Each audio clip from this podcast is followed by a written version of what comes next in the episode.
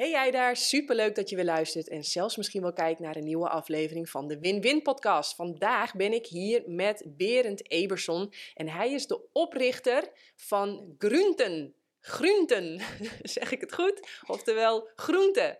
Dus als jij op dit moment uh, aan het luisteren bent terwijl je in de Albert Heijn loopt of de AH to go, dan kan het zomaar zijn dat je groenten tegenkomt. Want groenten dat zijn super gezonde uh, ja, snacks eigenlijk voor onderweg. Want uh, ja, volgens mij, dat kun jij je vast ook nog wel herinneren, nog niet zo heel lang geleden, als je dan ergens op een station was of bij een benzinestation, dan kon je kiezen tussen slecht of heel slecht. En daar gaat Berend, uh, die is daar nu echt ja, heel hard mee bezig om daar veranderingen aan te brengen. Dus je snapt het, ik ben razend nieuwsgierig naar wie hij is, naar zijn product en zijn verhaal. Vind jij dit ook gaaf? Deel het dan volop op je social media. Maar je mag ook naar jannekevandermeulen.nl gaan en dan zoeken naar de knop doneren en zo je waardering aan ons overmaken. Welkom, Berend. Ja, dankjewel. Leuk om te zijn. Ja. Ja.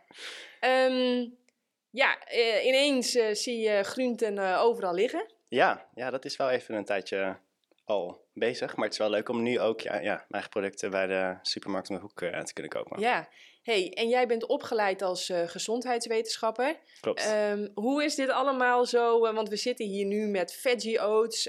dat zijn bakjes met daarin ehm, nou ja, een gezond tussendoortjes. En we zitten hier ook met gezond bananenbrood. Ja. Met heel veel, wat ook nog voor 26% groente bevat. We zitten hier met kruidkoek. Ik, ik ben, het ligt gewoon een tastbaar product. Ja. Helemaal vegan ook nog natuurlijk. Exact. Neem ons eens even helemaal mee naar het begin. Um, ja, nou, ik heb dus gezondheidswetenschappen gestudeerd, maar eigenlijk begint ja, mijn verhaal wel echt een stuk daarvoor. Um, op mijn zeventiende viel ik in de categorie obesitas.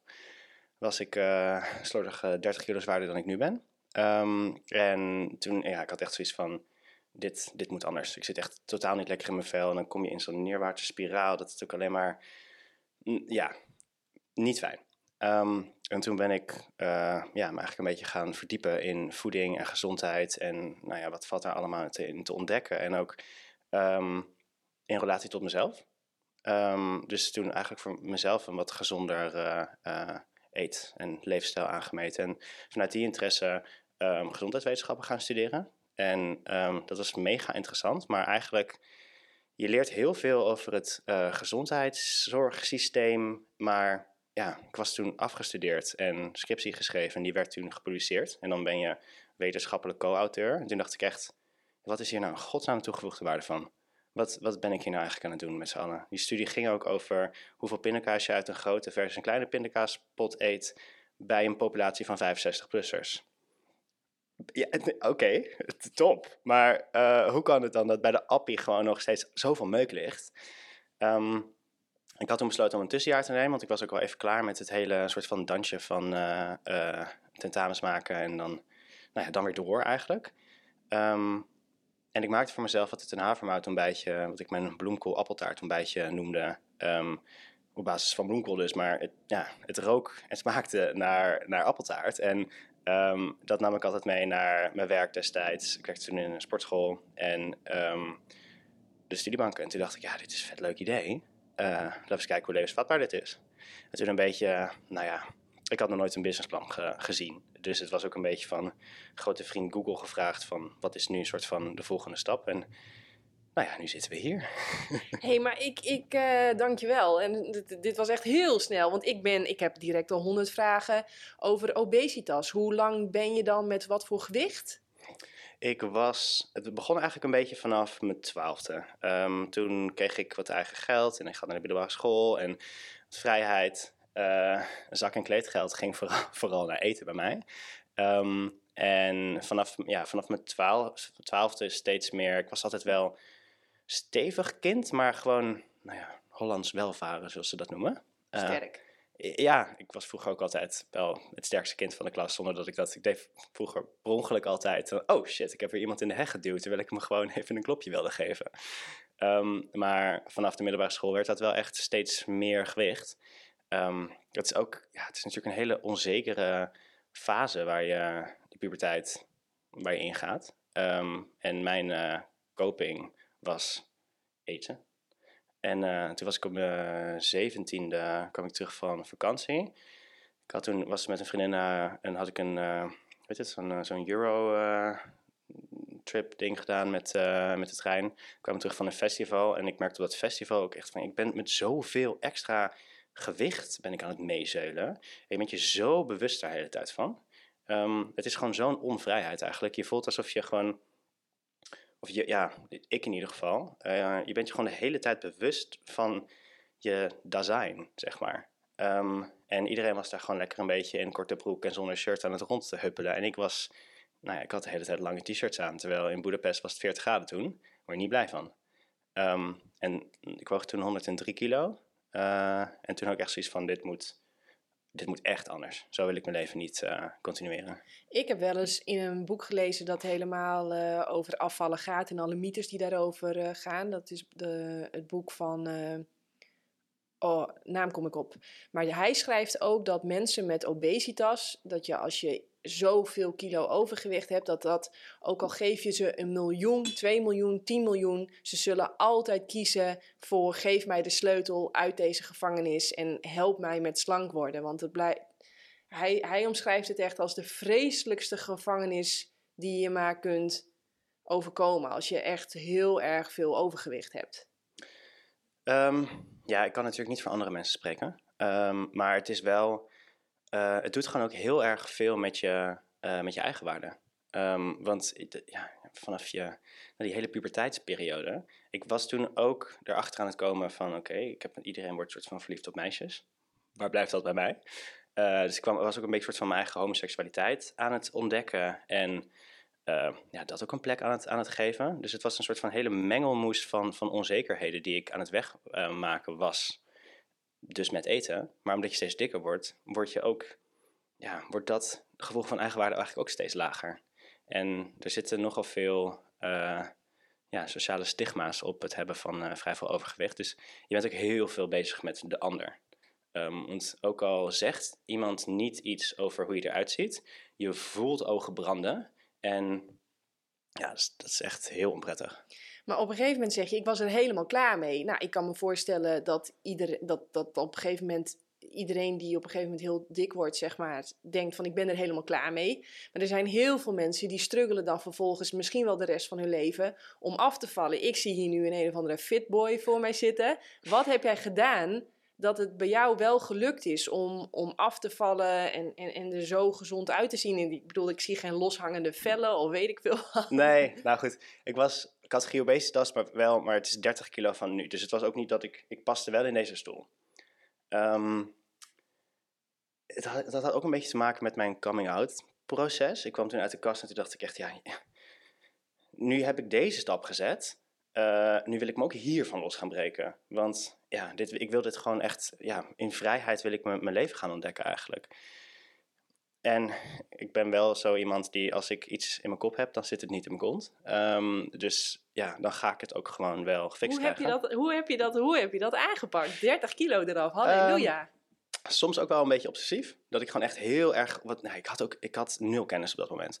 Um, dus je gaat allerlei, alle fat diëten, uh, al die nou ja, restrictieve ja, hypes die er zijn. Ik heb ze allemaal geprobeerd. Mijn ouders die gaan ook. Uh, mijn vader die is dat is zo'n gezellige jojo waar zo'n stijgende lijn door de jaren in zit. En die gaan elke uh, nou, zomer, voor de zomer gaan ze weer op uh, low carb dieet. En dan gaat het allemaal weer aan. En weet je, prima, you do you. Maar ja, ik, ik, heb niet het idee, ik heb dat ook geprobeerd, maar dat werkte voor mij gewoon niet. Um, ja, wat werkte wel? Dat willen we weten. Ja, um, nou ja, het, uh, dat is ook ja, heel erg eigenlijk is het een beetje de basis geweest van, van, van wat Gunther is geworden. Want uh, de gezonde keuze moet gewoon makkelijk en lekker zijn.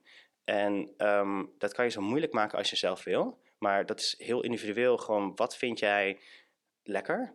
En probeer dat gezonder te maken. En zorg dat je dat in je leven geïmplementeerd krijgt op een manier die, niet, die geen pijn doet. Want dat is, de, ja, wat, dat is wat er bij obesitas zo vaak, of tenminste met overgewicht, het is je mag nooit meer dit eten. Terwijl dat is natuurlijk niet waar. Um, dat is de restrictie die je, die je voelt. En daardoor heb je zoiets van, dat hou je dan een paar dagen vol. En dan denk je, oprotten met z'n allen. nu ga ik er weer helemaal voor.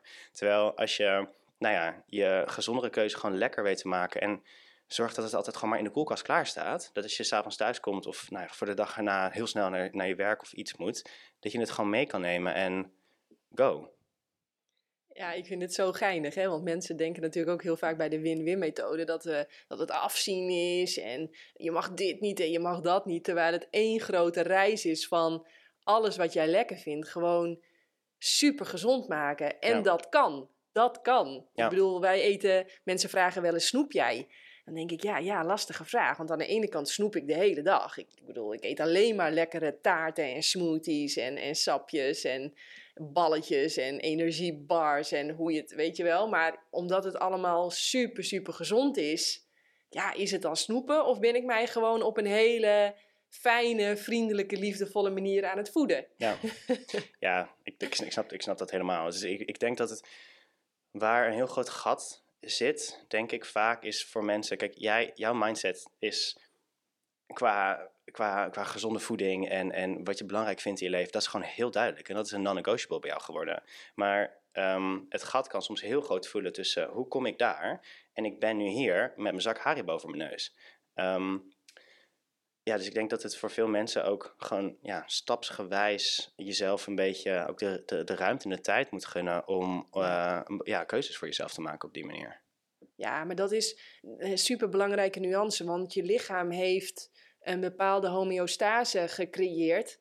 En als dat dus is met heel... Wat, wat, wat, waren dingen die jij echt cravede? Ik hoor Haribo's. Wat, wat, wat ging er nog meer? Wat kocht je van je kleedgeld? Uh, alles wat... Nou, ik ben echt van de... Van, de reden dat ik dit heb gecreëerd is ook... Uh, ik hou erg van cakejes en koekjes en zoete dingetjes en taart maken. Dat is echt mijn guilty pleasure. En um, eigenlijk is wel grappig dat we dat... Ik heb er nog nooit zo, eigenlijk, zo sterk die link gelegd. Maar dat is wel wat ik vroeger altijd voor mezelf kocht. Dus dat, daarom ben ik ook mijn ontbijt toen gezonder gaan maken. Het, ja, ik, ik vind dat gewoon heel erg lekker. Dus ik ben eigenlijk de producten gaan maken waar ik zelf gewoon heel blij van word. Ja, dat lijkt, dat lijkt me sowieso handig. Daarom uh, ben of word je waarschijnlijk ook heel succesvol. Maar um, ook al eet je dus heel veel koekjes en taartjes en uh, lekkere, warme, zelfgebakken dingen, die misschien niet zo gezond zijn, je lichaam gaat daar wel een bepaalde homeostase omheen verzinnen, waar jij je prettig bij voelt, prettig tussen haakjes. Dus Mensen vragen ook wel eens van, stel je voor, uh, ik lees jouw boek, hè, dat gebeurt wel eens. En dan zijn mensen razend enthousiast en dan willen ze eigenlijk de volgende dag cold turkey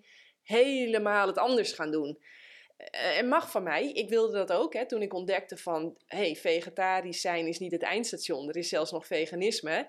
Uh, toen wilde ik dat ook direct overnight de volgende dag doen. Maar dan kwam ik er ook achter dat je eet niet alleen om fysieke redenen. Je hebt ook allemaal gewoontes, je hebt emotionele redenen waarom je eet, je hebt mentale redenen waarom je eet. Dus uiteindelijk is die transitie heel langzaam gegaan. Ehm, ik denk dat als je het bij voorbaat al om gaat draaien en ook jezelf toestemming geeft om die transitie langzaam te maken, dat dat misschien voor je lichaam wel net iets prettiger is. Hoe kijk jij daarnaar?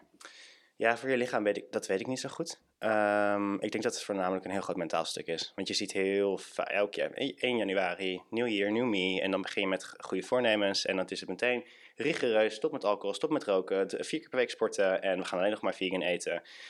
Alle kleuren van de regenboog. Dat is helemaal enig. En dat moet je vooral doen als je, als, als je dat lukt. Maar um, ja, er zijn, er zijn een heleboel onderzoeken gedaan dat je eigenlijk maar twee veranderingen tegelijkertijd kan doorvoeren. Um, en als je jezelf probeert um, uh, nou ja, te pushen om je hele leven om te gooien, dan ga je eigenlijk in een soort van. Uh, ja, je triggert je amygdala, ja, volgens ja, mij. Ja, je dopamine komt, uh, komt dopamine vrij. Nou, je hele systeem gaat, voelt dus, de homeostase is, is doorbroken en we moeten terug naar, naar af. Um, dus je kan beter als je... We moeten terug naar het bekende. Uh, ja, want dat is de overlevingsstatus. Ja, precies. Um, en als je dus al die dingen wil, wil stoppen, nou ja, begin maar eens met twee keer per week sporten en stop met roken. En als dat allemaal gelukt is, uh, stop daarna een keer met alcohol en ga daarna, ja, kies even wat is het belangrijkste en, en probeer dat dan langzaam in te masseren. Um, ik merkte dat toen ik uh, een paar jaar geleden had ik zoiets van ochtendroutine. Iedereen heeft het erover, ik moet dit doen. Dus echt, nou dat hing, dat begon, dat hing echt van dwang aan elkaar. Dus elke tien minuten ging er een soort van, oké nu moet ik dit doen, nu moet ik dit doen. Terwijl En daardoor had ik echt na een tijdje zoiets van op een met die ochtendroutine. Maar ik, ik merkte wel dat er een heleboel onderdelen van waren die wel heel prettig voor me waren. Dus nu, ik sta elke dag om kwart over zes op. En daar gaat eigenlijk de wekker gaat niet af. Want ik ben gewoon wakker om kwart over zes. En dan hoor ik heel vaak van mensen, dan ga ik journalen. En nou goed, dan heb ik dus wel inmiddels een ochtendroutine opgebouwd. En zijn mensen van, oh, vind ik zo knap. Dat ik, ja, maar dit voelt niet knap. Dit heb ik ook opgebouwd over, nou ja, best wel een langere periode. En gewoon kijken wat, wat resoneert wel. En ook soms verandert die ook weer een beetje. Want dan merk ik gewoon, mijn, mijn ritme is anders, zomer, winter. Wat heb ik nu nodig op dit punt in mijn leven? Ehm, dus ja, ehm, maak het gewoon, gewoon klein, zeg maar. Ja, heel leuk. En uh, ik hoorde jou zo straks vertellen van, ik maakte dan appeltaart op basis van bloemkool. Uh, ik kan me voorstellen dat bij meer mensen daar de oortjes spitsten van, huh, appeltaart op basis van bloemkool. Vertel ons, wat, want op een gegeven moment kan ik me zo voorstellen dat jij ging proberen zo lekker mogelijk te eten met zo min mogelijk calorieën, want het vet moest verbrand worden. Klopt dat? Nou, ik was ja, ik was toen wel al redelijk op gewicht. Wel ietsje zwaarder dan ik nu nog ben. Maar ja, ik, ik, wist, ik, ik schommel ook een beetje met de seizoenen, zeg maar. En dat vind ik verder ook prima. Ehm, maar, uh, nou goed, ik wilde toen, ik maakte gewoon altijd een ontbijtje voor mezelf. En toen, ik werkte toen als personal body coach bij een personal body plan. Um, een bedrijf waar ik mensen een soort van gezondheidsadvies gaf. En een van mijn deelnemers die zei van ja, ik maak altijd een uh, bloemkoolpuree en dan doe ik dan van het eiwitpoeder doorheen voor de smaak en de eiwit. Dus ik dacht, nou, dat klinkt helemaal top. Dus ik ga dat maken. Het is niet binnen te houden. Het is echt van het hele chemische, uh, hele chemische smaak. En je ruikt de bloemkool nog. En het heeft ook een hele viezige textuur. Dus ik dacht echt van, mij niet bellen voor dit recept. Maar uh, dit, het is wel een goed idee. Dus hier kan je wat anders mee, ja, uh, iets van maken in ieder geval. Dus ik maakte mijn havermout een beetje gewoon met bloemkool, kookte ik bloemkool, puree, uh, zit staafmixer eroverheen. En dan maakte ik gewoon met appel, kaneel, bloemkool, um, beetje kwark. Rozijntjes, walnootjes. Ex, uh, ja, geen walnoten. Daar ben ik niet zo fan van. Um, maar wel rozijntjes en uh, nou ja, heel veel kaneel. Ik hou dus heel erg van kaneel. Ik heb ook toen we de receptuur voor het uh, daadwerkelijke product wat nu bij de appie ligt, gingen maken, was het ook echt van, oké, de kaneel moet ongeveer gedeeld door drie. Um, maar dat ging ik voor mezelf maken. En dat nam ik in dit soort, ja, van die mason jars, nam ik dat, nam ik dat mee. Maakte één keer per week gewoon een hele grote pan. Drie in de koelkast, vier in de vriezer, genoeg voor de hele week. En hoefde ik niet meer over na te denken. En dat, ja, sloeg uiteindelijk ook bij andere mensen aan. Geinig, geinig. Nou, vertel meer. Vertel, ik ben... Want het ligt, ja, het ligt nu gewoon. Het ligt bij de AH to go, het ligt bij de Albert Heijn. Ja. Je, ja, mensen, net een beetje als met de groene smoothie. Mensen beginnen van, hé, hey, uh, wat drink je eigenlijk? Wat eet je eigenlijk? Oh, mag ik proeven? Oh, wow, dit is eigenlijk best wel lekker. En, en dan begint dat gewoon een loopje te nemen. Ja. Dat is ook gegaan met jouw bloemkoolsmurrietje, om het even zo te zeggen. Ja, nou, ik werkte dus, ik had, dus, ik had een tussenjaar genomen en ik was eerst uh, 2,5 maand gaan reizen. En toen dacht ik van ik, ik wist nog, ik, ik, ik had even geen idee. Um, en ik merkte op die reis dat ik zoiets had van ja, ik merk, ik heb een, een drive om, om iets te creëren, zeg maar, om met dat gezondheidswetenschappen iets, iets in de wereld te zetten. Maar wat wist ik helemaal niet. En ook toen, ik was door Zuidoost-Azië gaan reizen, was hartstikke leuk, maar ik voelde me echt een beetje zo'n witte toerist, die gewoon allemaal dingen aan het bekijken was. Toen dacht ik echt, ja, wat ben je nou aan het doen eigenlijk? Um, en toen kwam ik terug en um, ja, ik maakte nog steeds dat uh, bloemkool appeltaart voor mezelf. En mijn vader had inmiddels al de receptuur, want die was weer eens op zijn dieet. Maar toen, na een tijdje ging mijn broertje ging het ook eten. En nou ja, die had het liefst drie keer per dag kapsalon. Dus toen had ik echt zoiets van... Oké, nou, als, als jij dit gaat eten, dan, dan zit hier misschien wat meer in. En toen, ja, gewoon een beetje elke keer gewoon een vervolgstap maken of zo, die gewoon voor mij logisch voelde. En aan oom Google vragen hoe verder. En uiteindelijk, ik kende ook iemand die op kantoor zat bij Majoni, um, de bloemkoolbodempizza's. En toen heb ik uh, Manon van Essen, de uh, oud-eigenaar daarvan, een mailtje gestuurd. Hele lange mail. En die zei, nou leuk, kom maar langs. Dus ik uh, bij haar aan tafel zei, je hebt investering nodig. En ik had zoiets van, ik heb helemaal geen, weet ik. Ik ben nog een beetje aan het kijken of ik hier iets, überhaupt iets mee wil. Um, maar nou ja, toen had ik wel zoiets van: oké, als zij hier iets in ziet, dan, dan zal dit ook daadwerkelijk wel, wel wat zijn. En toen is het via weer een netwerk waar ik uh, in zit van een heleboel andere food startups, is het uh, bij Markt op tafel gezet. En Markt was echt: dit is helemaal top, dit willen we over 2,5 maanden uh, hebben. En toen moest ik als de weer gaan, moest ik producent zoeken. En het hele, nou ja, eigenlijk het hele idee. Toen heette het nog geen veggie oats, toen heette het groenteontbijt. Want ik vond dat wel leuk klinken. Maar ja, het, veggie oats is toch een naam die wat meer resoneert en ook een internationale publiek aanspreekt. Um, ja, dat was eigenlijk het begin. En, uh, maar ik kan me voorstellen dat um, dit is toch gewoon een fulltime job om dit in 2,5 maand. Markt zegt ineens, ja, over, ik rond het even af naar boven, over drie maanden. Dat is 12 weken, 10 weken. 10 weken had je. Ja. Eh, waar haalde je je inkomen vandaan? Of had je daarnaast dan nog een baan? Hoe doe je dat?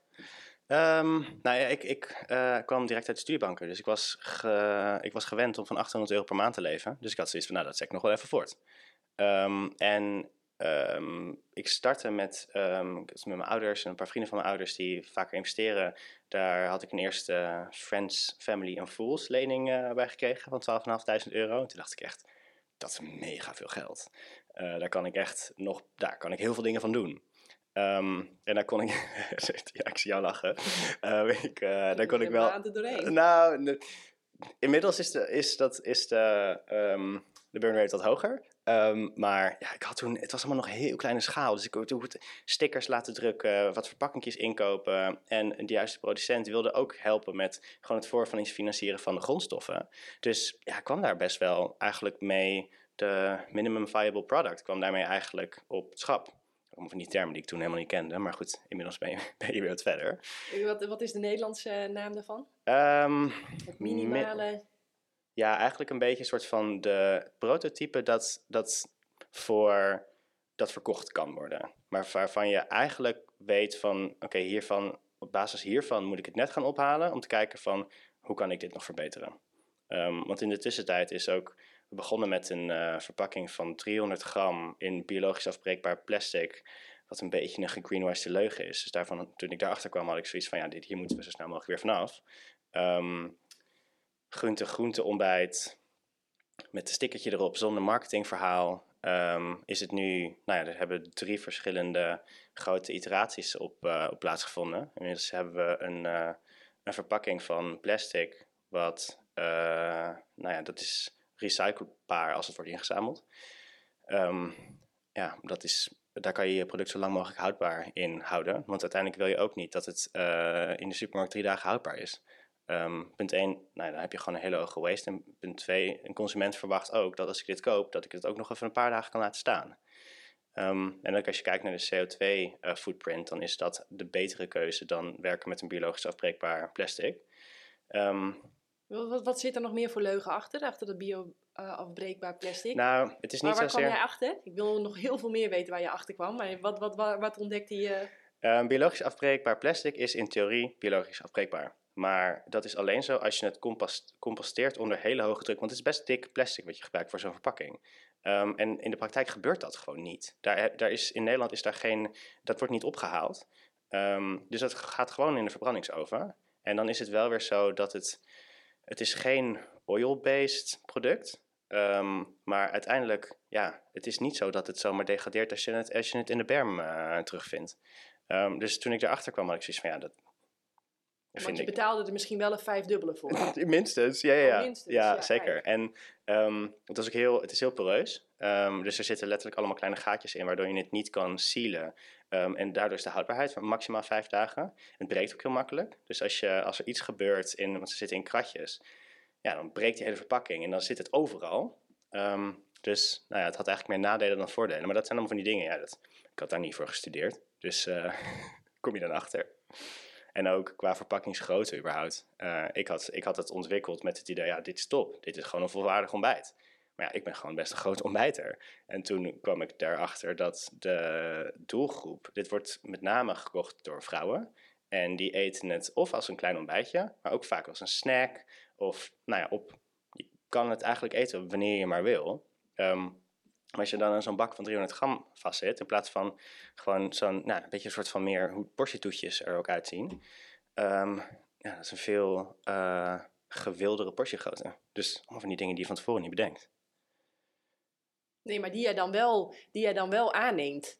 van Ja. de expert. Zo van, want ik, ik, ik vrat, hè, want ik heb natuurlijk ze mogen testen en zo. eh, dat is al lang geleden trouwens, weet je Mhm. nog? Maar ik had ook direct zoiets na één. Ja, dat... dat, dat, dat eh, Holle kies. Holle kies, ja, weet je wel. Dus daar kwam al twee en daar kwam nummer drie. En toen dacht ik, nou oké, we kunnen weer verder. Ja, Ehm, maar jij en ik zijn waarschijnlijk niet de gemiddelde nee, oké, dus daar moet je dan toch eventjes een, een switch in maken. Zo van, ja, dan moeten we toch eventjes meer naar wat wil de klant in plaats van wat wil ik. Ja, zeker. En dat is ook echt wel. ehm, ik sta altijd open voor feedback. Ik ben het met een heleboel dingen ben ik het niet eens. Maar ik heb. Ehm, dat is denk ik ook een beetje wat je moet doen als zijnde ondernemer. Gewoon, je moet het net ophalen en dan denken van oké, waar kan ik wat mee? Waar kan ik niks mee? En wat is mijn visie? En wat resoneert er wel en wat resoneert er niet? En dan, en dan bewuste keuze doormaken. Dus als ik heel erg nou ja, angstvallig aan dit, zo vind ik dat het eruit moet zien, eh, had gehangen, ja, dan hadden de producten nu niet bij de Albert Heijn op de schappen gestaan.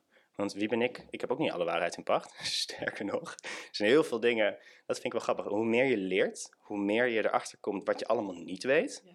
Ehm, en ja, wat ik wel heel erg heb geleerd, ehm, ja, gewoon heel veel vragen stellen. En gewoon echt openstaan. Ook, ik, soms, sommige mensen vinden dat heel vervelend, maar ehm, ik kan vijf keer waarom vragen. Als mensen, dan, als mij, mensen mij iets vertellen, dan ben ik van, ja, maar waarom? En waar, waar is het op gebaseerd? En er, er zitten zoveel aannames in de dingen die we elkaar allemaal vertellen. Ehm, ik vind het machtig interessant.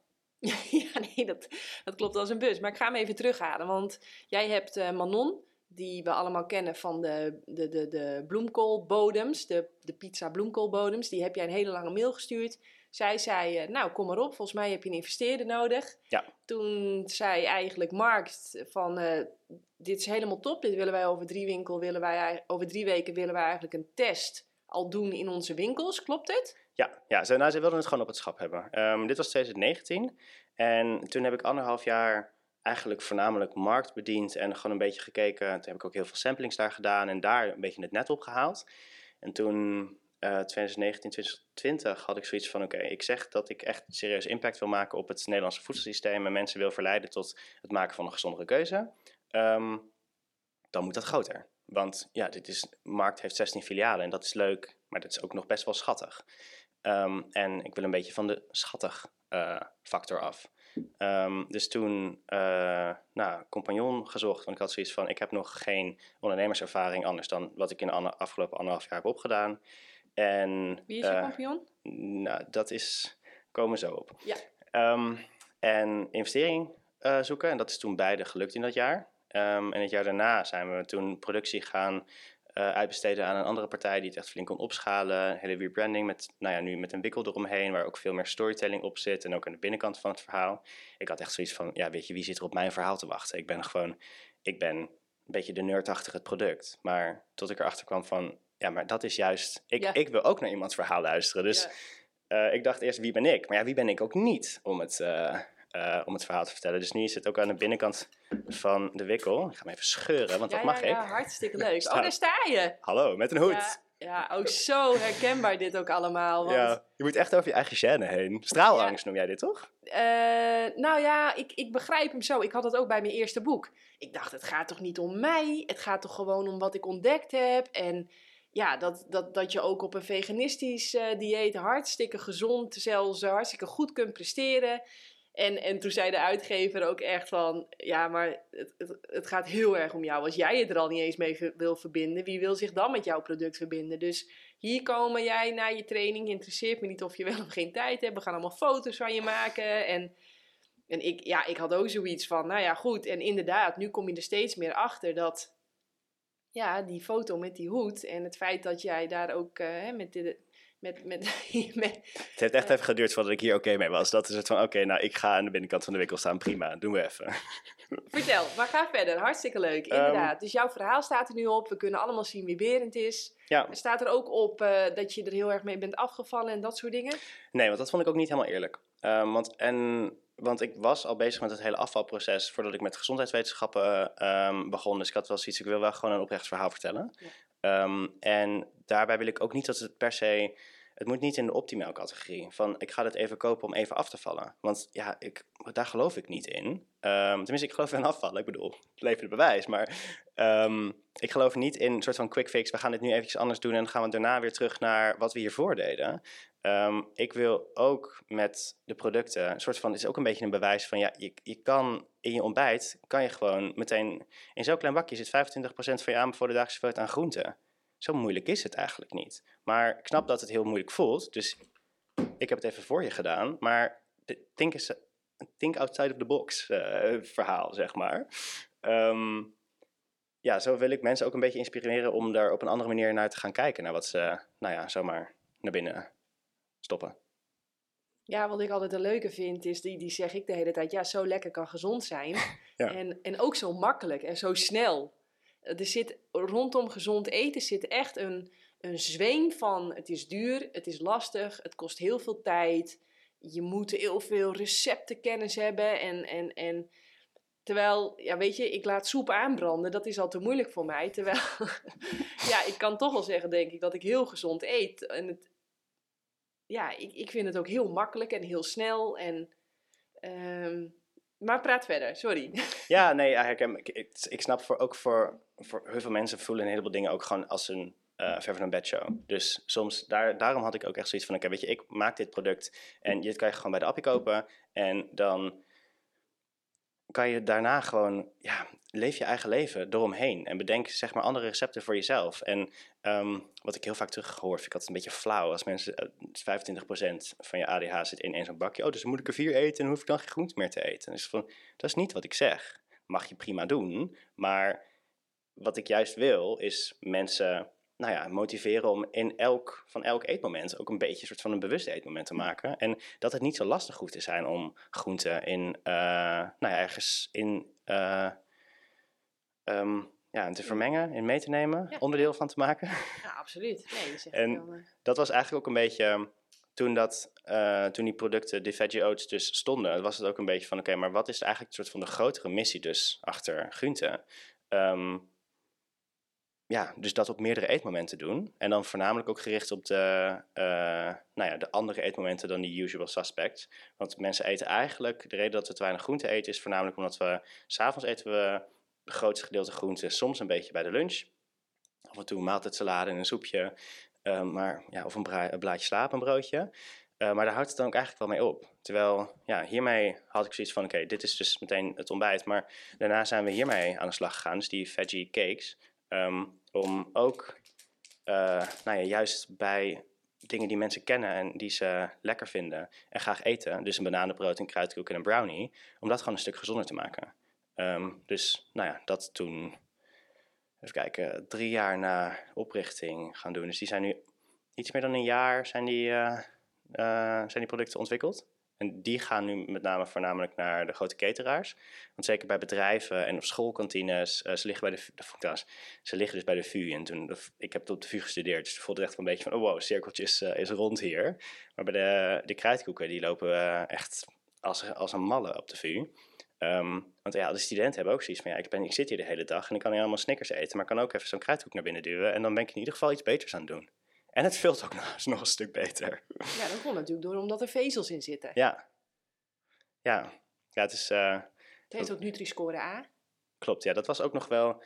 Um, dat was niet eens zozeer een hele grote uitdaging. Um, maar um, je moet wel Nutri-score, dat is gewoon een hele uitgebreide berekening. Dus met, er, zit heel, nou, er zit gewoon best wel veel groente in. Dus als je er ergens goede producten in stopt, dan kom je gewoon makkelijker bij een goede Nutri-score uit. Maar het is wel nog steeds heel erg kijken van oké, waar wordt nou precies op gelet en waar wordt naar gekeken. Er is heel veel te doen om die Nutri-score.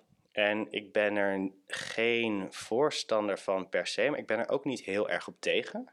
Het kan een beetje, alles is, um, nou ja, hoe maak je er gebruik van? Ik bedoel, je kan een, uh, je kan een stok gebruiken om uh, iemand dood mee te slaan, maar ook om een vis mee te vangen, zeg maar. Misschien niet helemaal het juiste voorbeeld hier aan tafel, maar je snapt wat ik bedoel. Um, kijk, en een Nutri-score, als je die Nutri-score een soort van gaat gebruiken als excuus om een Nutri-score A-pizza te kopen, ja, dan weten we allemaal wel dat, we gewoon, dat je niet echt heel veel dichter bij het doel komt. Um, maar die Nutri-score, het idee achter de Nutri-score is juist dat de producenten ehm, stimuleert om de, nou, gewoon al die bagger uit de, uit de producten te halen. En dat zie je nu wel een beetje gebeuren, maar het is, ja, het, is, het blijft lastig. Je moet gewoon, nou ja, met eigenlijk alle dingen, je moet gewoon je brein meenemen. Ja, zelf nadenken. Maar goed, het is jouw geluk. Jij hebt in ieder geval Nutri-score A. Ik bedoel, dat is toch gewoon helemaal top. Zeker, ja. En ik heb ook het idee, eh tuurlijk weegt dit niet op tegen een groene smoothie, maar in vergelijking tot is dit natuurlijk honderd keer gezonder dan de Snicker, de Mars, eh, wat vreet je nog meer op een station en in een schoolkantine? ja gevulde en, koek. gevulde koek, ja, ontbijtkoek, roze koeken, dat waren echt mijn guilty pleasure vroeger. snelle jelles, al die troep waar het eerste ingrediënt glucose, fructose stro- siroop is. Ja, Zelfs in heel veel sportdingen hè, is dat het eerste ingrediënt. ja. Ja, dan, dan, dan ga je er natuurlijk honderd stappen op vooruit. Ja, ja dat, dat zeg ik ook eigenlijk altijd. Als, soms dan spreek ik mensen die zeggen van ja, ehm, is dit nou gezond? En denk ik, ja, dat, dat hangt er dus een beetje vanaf. Als je nu een wortel eet, blijf lekker die wortel eten. Maar grote kans is dat je nu een Snickers zit weg te werken. Dus dan ga je er een heel stuk op vooruit. Ja. Ja, Ja.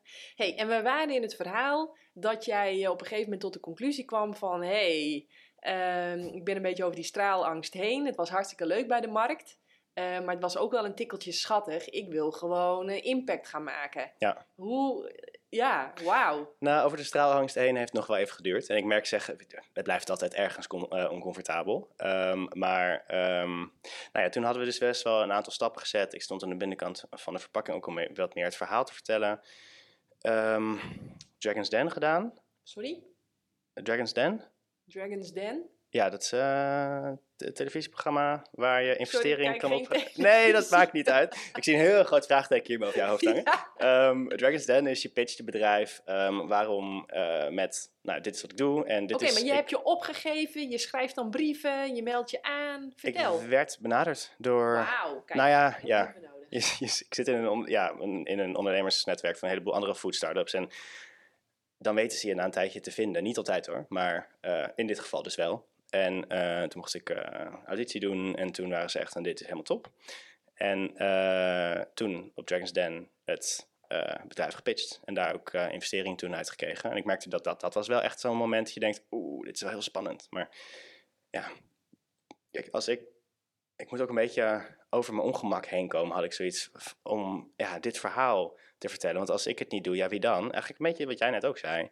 Ehm, dus ja, dat maar meer gaan doen. Ehm, en zo steeds verdere ja, groeistappen met het bedrijf gemaakt. En ik had niet verwacht dat de ondernemersreis eigenlijk zo'n persoonlijk ontwikkelingstraject zou zijn. Ehm, als je Ik mij... zeg al, topsport en ondernemen, dat legt echt een vergrootglas op je persoonlijke Holy ontwikkeling. moly. Ja, het is echt eh, heel... Je komt tegen, zo erg tegen je eigen limitaties aan. Of, de, nou ja, je eigen limiterende overtuigingen, laat ik het zo zeggen. Ehm, want om even terug te komen op jouw vraag over compagnon. Ik heb een compagnon toen gevonden, ja, co-founder later eh, gevonden. En eh, dat afgelopen jaar zouden we dus een investeringsronde gaan doen. Ehm, nou, er waren een aantal dingen die bij hem niet helemaal lekker voelden. Iets, misschien iets meer straalangst, ik weet het niet. Ehm, en toen zei hij van, nou, ik, eh, ik, ik ben er klaar mee. Dus toen, we hadden inmiddels een team opgebouwd. Toen team moeten ontslaan en hij stapte eruit. Dus toen... Het team moeten ontslaan, zei je dat? ja. ja, want we waren bezig. We zouden die investeringsronde gaan, gaan starten. Ehm, toen stapte hij eruit. En het hele idee van die investeringsronde was dat we nou, het team verder konden laten groeien. Maar dat was dus op dat moment niet meer zo, want die investeringsronde stond opeens stop. Dus toen eh, alles, eh, nou, kreeg ik het hele bedrijf terug op mijn bordje en het hele team moeten laten ontgaan, de partner eruit. En het is een heel pittig jaar geweest, Ehm, maar wel mega interessant. Want ja, daar kwam ik heel erg achter van wat ik eigenlijk allemaal heb geleerd in die afgelopen vijf jaar. Ehm, en ook eh, ja, wat ik eigenlijk allemaal kan in mijn eentje. Want inmiddels is het bedrijf wel weer eh, verder gegroeid. Ehm, maar eh, ja, je partner uitkopen, ik weet niet, dat heb jij waarschijnlijk nog niet gedaan, want anders had je namelijk heel hard geknikt. Maar iedereen die ik spreek die een keer door zo'n traject is gegaan, zijn echt van, je moet hier echt doorheen gegaan zijn om te weten hoe ontzettend zwaar dit is. Ehm, maar dat is wel allemaal gelukt. Ook dat, deels omdat ik gewoon zoiets heb van, ja, ik heb gewoon een missie met dit bedrijf. Maar een belangrijk deel was ook omdat ik gewoon best een beetje een nerd ben. En ik gewoon zoiets had van, ik wil kijken of met dit of, of me dit lukt. En ehm, ja, alles wat ik nog niet snap, leren. En het is uiteindelijk wel gelukt om het bedrijf gewoon eigenlijk helemaal, ehm, nou ja, eigenlijk alle processen eh, te optimaliseren en uh, aandelen weer terug te kopen. En nu nou ja, schoon schip te maken om nu keihard door te gaan groeien. En intussen tijd was ook nog even Albert Heijn als klant erbij gekomen. Dus het was echt wel was een interessant jaar. Zo, dat kan ik me voorstellen. hey, en uh, want jij vertelde, ik had nog nooit een businessplan geschreven. Nu werk je samen met iemand als Albert Heijn. Hoe gaat dat dan? Nou ja, ik had nog nooit een businessplan. Dat is vijf jaar geleden. Hè? Um, dat vind ik. Dus Inmiddels ben jij dus best wel gewoon goed in hoe bouw je een business ja, ik wil mezelf niet per se heel erg op mijn borst kloppen wat dat betreft. Maar ik denk, ja, er zijn gewoon heel veel dingen die ik door schade en schande heb geleerd. Dus als ik nu opnieuw een onderneming of een andere onderneming zou opzetten, dan zijn er zoveel stapjes die je kan overslaan. Um, want een heleboel dingen zijn, kijk, een heleboel uh, lessen moet je ook gewoon leren in elke markt specifiek. Maar wat is de toegevoegde waarde? Hoe ziet je structuur eruit? Hoe ga je geld verdienen? Um, wat is de totale markt? Wie spreek je aan? Hoe ga je je marketing doen? Allemaal van dat soort ja, onderdelen van een businessplan en een bedrijf zijn, die horen er gewoon allemaal bij. En ik wist dat in het begin allemaal niet. Dus ik had gewoon een beetje, elke keer dan was het, oh ja, voor wie doe ik dit eigenlijk? Dat weet ik eigenlijk niet. Ja, wat is eigenlijk een soort van missie en visie en B-hack? Want dan kom je ook allemaal achter, allemaal van dat soort uh, big, hairy, audacious goal. Um, Sorry, wat, wat, wat, wat, die moet je helemaal opnieuw gaan vertellen, ja? Gewoon een soort van je, je exit-strategie of je, je meerjarenplan. Um, ja, er zijn allemaal businessboeken hierover geschreven. En B-Hack is van, ik weet eventjes niet meer uit welk boek dit komt, maar dit gaat over een soort van het grootste doel dat je je voor kan, kan stellen. Big, hairy, audacious goal. Het is niet mijn, het is niet ah. mijn terminologie. Ja, groot ah, dit, gaat, dit gaat over dat, dat, dat dan, dan zet je eigenlijk je ultieme doel en dan ga je dat keer honderd doen. Ja, maar wordt ik... duizend zelfs. Gewoon het, het doel waar je je gewoon extreem oncomfortabel bij voelt. Maar als je dat niet als doel zet, ehm, ja, dan ga, je het ook, dan ga je er ook niet naartoe werken. Nee. Dus ja, man, van dit soort dingen die na een tijdje gewoon heel. Dus je hebt dat toch normaal... opgeschreven, dat heel de wereld die, die wordt wakker en, en die, die, die, die, die verlangt dan naar dat loopje naar de koelkast om daar de koelkastdeur open te doen en daar zijn veggie oats aan te treffen. Zoiets. Dat is vanuit ondernemersperspectief is dat absoluut waar. Maar de gezond, eh, gezondheidswetenschapper in mij heeft eigenlijk zoiets van: ik wil ervoor gaan zorgen dat mensen dit ook zelf gaan maken. En dat ik nou ja, er gewoon voor ga zorgen dat we met z'n allen een stuk gezonder en bewuster gaan eten. Want een heleboel dingen aan mijn product um, zijn: het is vegan. Oh ja, oeps. Ook even een soort van check. Maar dat staat niet met koeiletters op de voorkant. Um, het is allemaal zo sustainable. Wauw, waarom mogelijk. heb je dat niet gedaan? Sorry hoor, die, die schrijf ik even op. Praat verder. Waarom ik niet. Nou, er staat wel op vegan. Maar, um, moet ik even zoeken. Ja, je Hier. moet zelf zoeken. Ja. Waarom um, heb je dat bewust zo klein? Uh, daar zit natuurlijk ook een gedachte achter. Nou, omdat dat niet, ja, dat, ik ben niet, ik heb niet een vegan product in de markt gezet. Ik, ben, uh, ik probeer mensen te verleiden om meer groente te gaan eten. Dat dat plantaardig is, dat is heel fijn. dat weet ik, dat weet jij.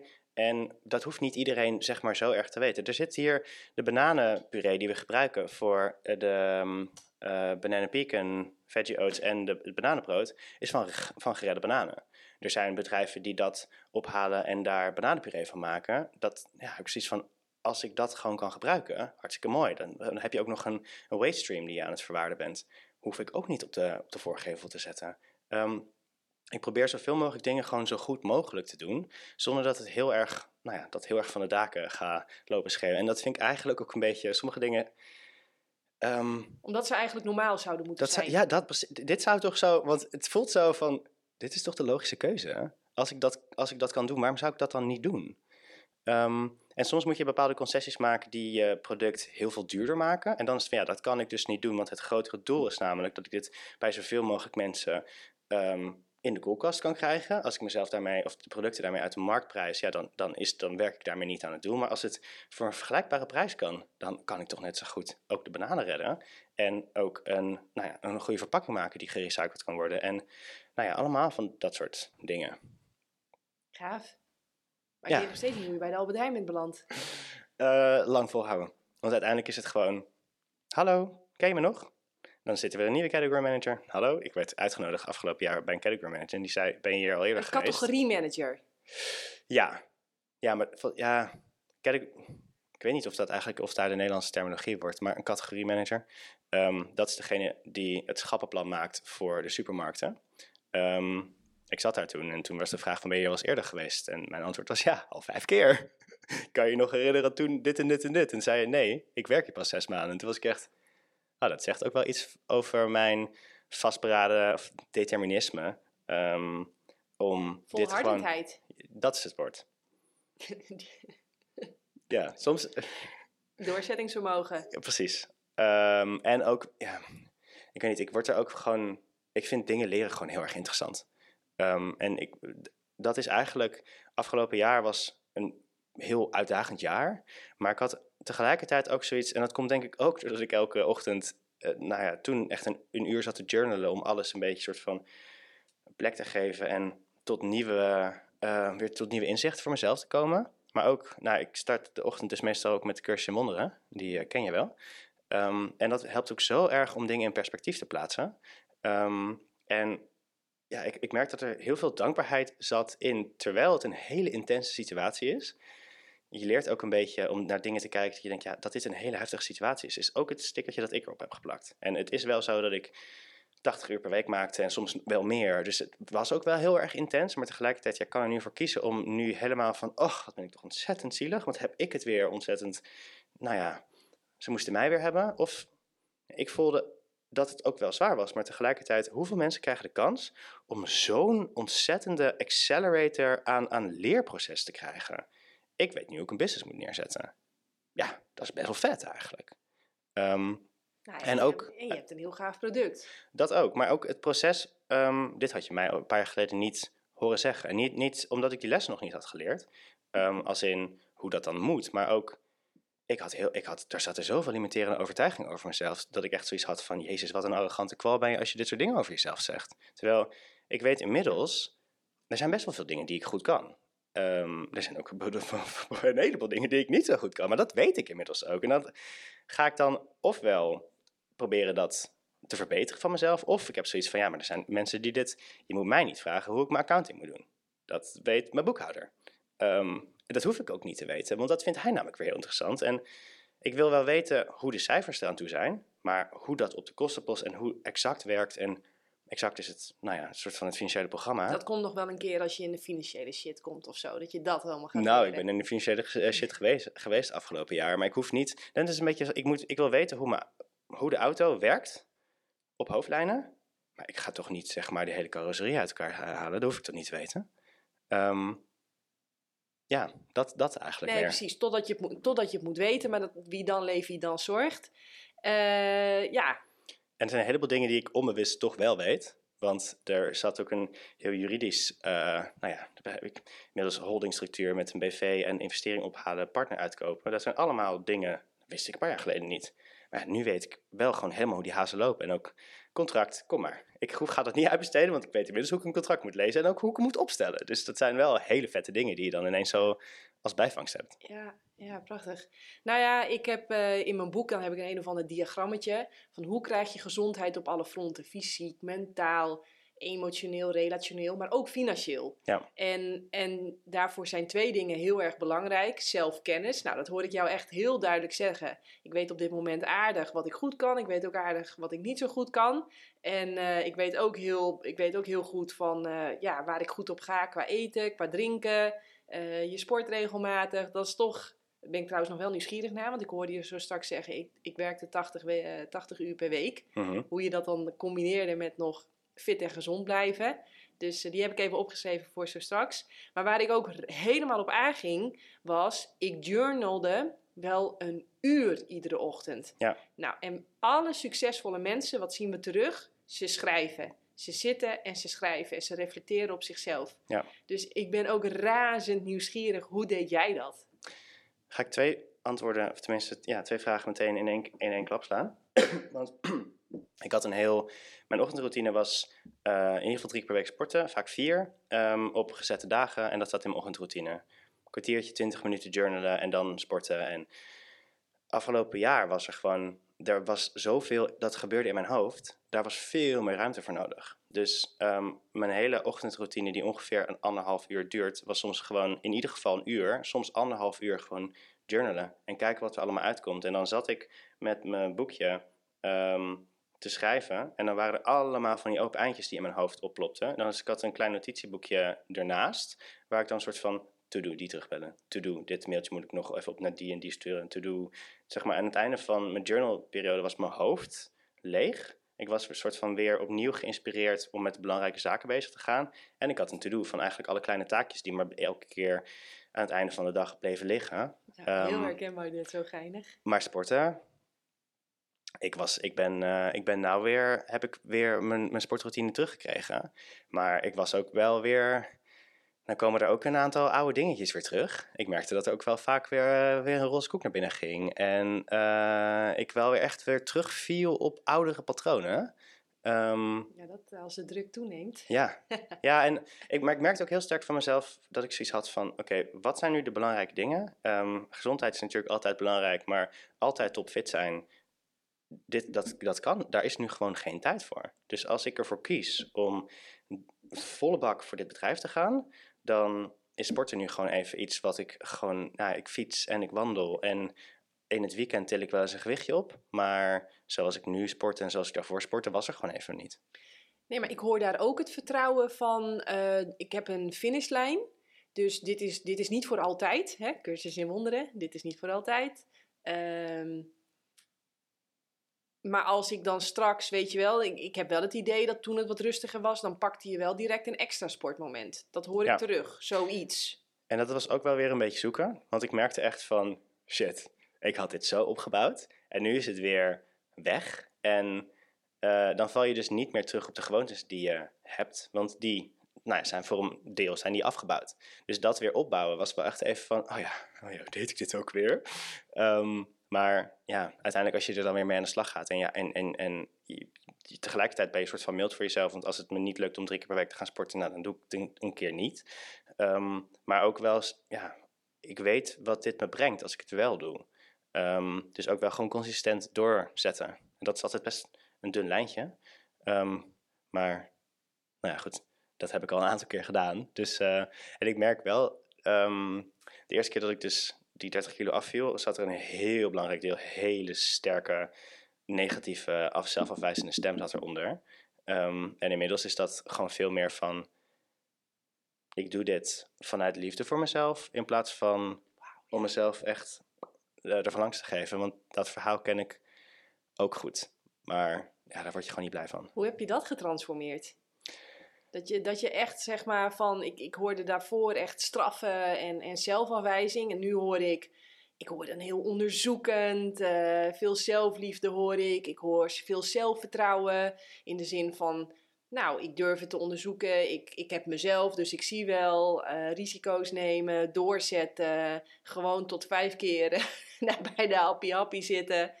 Uh, ja. Hoe heb je dat getransformeerd? Heel veel boeken gelezen. En nou, het één ding om boeken te lezen, maar dat ook daar iets mee te, mee te doen. Um, veel podcasts luisteren, gewoon... Ja, ik, um, ik ben best een beetje een nerd, durf ik wel van mezelf te zeggen. En ik vind het ook gewoon heel interessant om mezelf te verdiepen in allerlei materie. Um, ik heb ook heel veel van jouw podcastafleveringen geluisterd. Zeker als ik dan um, nou ja, iemand aan tafel zag waarvan ik dacht, oh dat is tof. Zijn of haar boek heb ik ook gelezen. om daar dan weer een soort van nieuwe verdiepingen op, in op te zoeken. en ja, je neemt alles mee. Je, je stapelt zeg maar elke keer ik kan me nog herinneren, de cursus in wonder heeft uh, 2,5 jaar op mijn plank gestaan. Want ik had echt zoiets van, dit is, ik, hier ben ik nog niet klaar voor.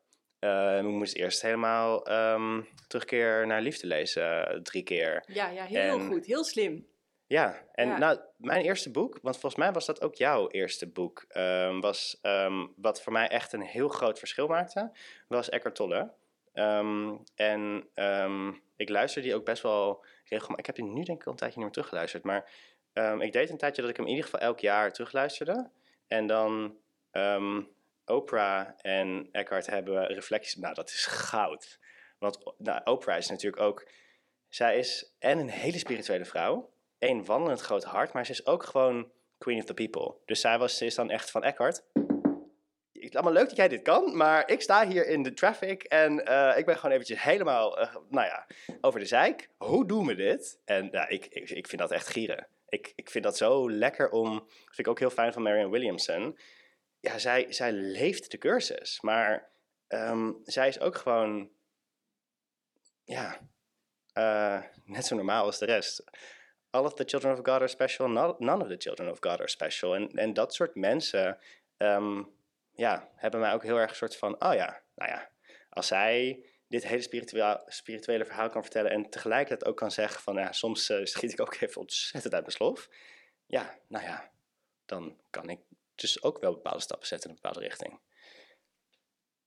Ja, nee, heel herkenbaar. En wat ik ook zo leuk vind is, dat adviseer ik ook altijd iedereen, ga eventjes ingangen tot een cursus in wonderen lezen. Of inderdaad het boek van eh, Marianne Williamson, dat je eventjes want als je, als je direct dan, uh, bij een cursus in wonderen begint, ja, dan spring je wel echt zonder diploma direct in het golfslagblad uh, van 180 meter lang.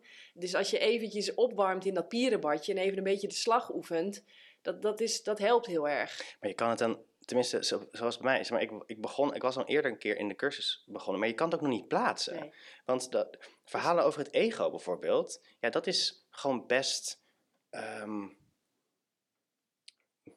begin of zo, zeg maar. Maar als je dat nog niet kan plaatsen en mensen komen met heel veel andere, uh, wat gewichtigere stof of zo, dan, je, dan sta je echt een beetje met je oren te klapperen. Ja joh, je, je, je gaat wel over die woorden heen, maar je leest het helemaal niet. Het blijft er niks binnen. Je hebt echt geen idee waar het over gaat, tenminste, laat ik voor mezelf spreken echt geen idee waar het over gaat, zeg maar. Ehm, ik heb nog steeds wel vaak hoor, dan lees ik in Alinea en dan denk ik echt, wat, wat, staat hier nou eigenlijk? Dit moeten we even nog een keertje opnieuw gaan lezen. Ja, ja. Hey, en, uh, maar ik wil toch nog veel meer weten van je journal.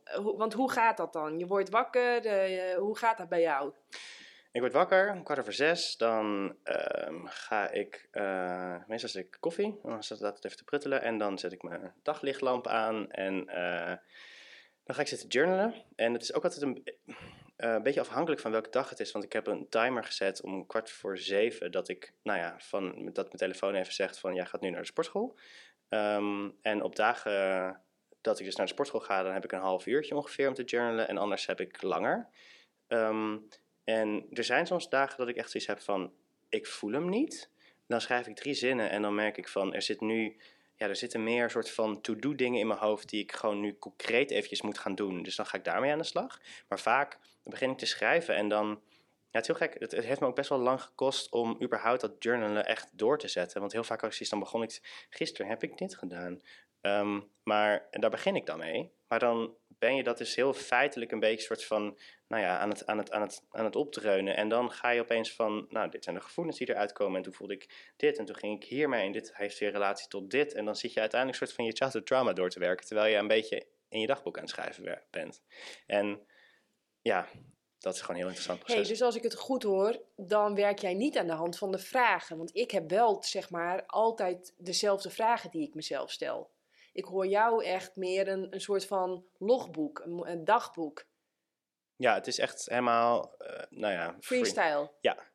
Het is trouwens, ik vergeet de cursus. Dat is, uh, voordat ik ga zitten, dan pak ik een les erbij en dan, ja, dan doe ik die les. En soms neem ik daar, ja, vaak is het, staat er, doe dit vijf minuten in, in totaal. Dus het is ook best wel snel weer klaar wat dat betreft.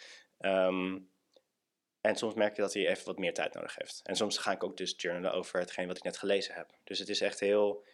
Um, hetgene wat gewoon het eerste top of mind komt, daar begin ik mee. En, en schrijf jij echt met pen en papier? Ja. ja, ik, ik, ik, kan helemaal niks met schermen eigenlijk. Het is dat we allemaal nu zo ingesteld staan op schermen. En het is ook heel handig om je telefoon, je hele agenda in je telefoon te hebben. En daar maak ik ook heel erg dankbaar gebruik van. Um, maar als het even kan, ik heb mijn hele kalender, alle to-do's staan in Asana, project management tool. En um, dus dat staat allemaal bij elkaar. En nou ja, goed, weet je, we werken met, met Google Suite en dat werkt heel goed. Maar tegelijkertijd merk ik van, ik moet dingen ook gewoon op papier kunnen zetten. Dus ik maak ook elke dag, voordat ik naar kantoor ga, soms als ik op kantoor ben, want dan komt het uh, toch even net niet uit met mijn ochtendroutine, dan schrijf ik de belangrijkste dingen op die ik op die dag te doen heb, mensen die ik op, moet bellen. En maak ik ook even een soort van kaders voor mezelf van, oké, hier ben ik dan mee bezig, dan ben ik dan mee bezig. En het feit dat het gewoon analoog is, dat werkt gewoon heel goed voor mij.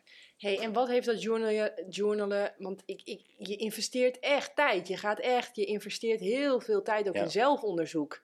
Wat, wat heeft jou dat allemaal opgeleverd?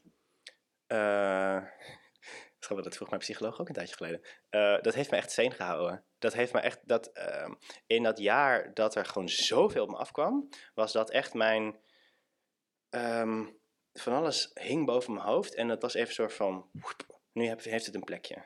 Eh, en sommige dingen werden dan heel erg uitgediept en soms was het ook een beetje, nou dat het er een beetje over, over alles heen ging, maar het, het ga- gaf me echt het gevoel, het is echt een, ehm, nou, wat je met je slaap eigenlijk ook hebt, dat je de hele dag aan het verwerken bent, maar dan op een nog veel diepere manier. En soms kwamen er ook dingen uit dat ik echt zoiets had van, in het reorganiseren van het hele bedrijf, een bepaalde strategieën aanpassen en ehm, een heleboel keuzes die ik heb gemaakt, dan was ik, ik was dingen aan het schrijven, toen was ik echt, dit, dit is niet van mij. Dit, dit is niet, ik weet niet waar dit vandaan komt, maar ik ben dit nu aan het opschrijven en ik, wist, ik weet helemaal niet hoe ik dit weet. Ik wist niet dat ik dit... Dat, dat het ook bijna een soort van gechanneld eh, voelde. Ja, ik, ik doe dit, ik, ik doe er aanhalingstekens bij, omdat ik zoiets heb van, ik weet niet hoe het voelt om echt te channelen, maar ehm, het was heel bizar eigenlijk. Ja, nee, ik, eh, ik geloof het direct en ik herken het ook.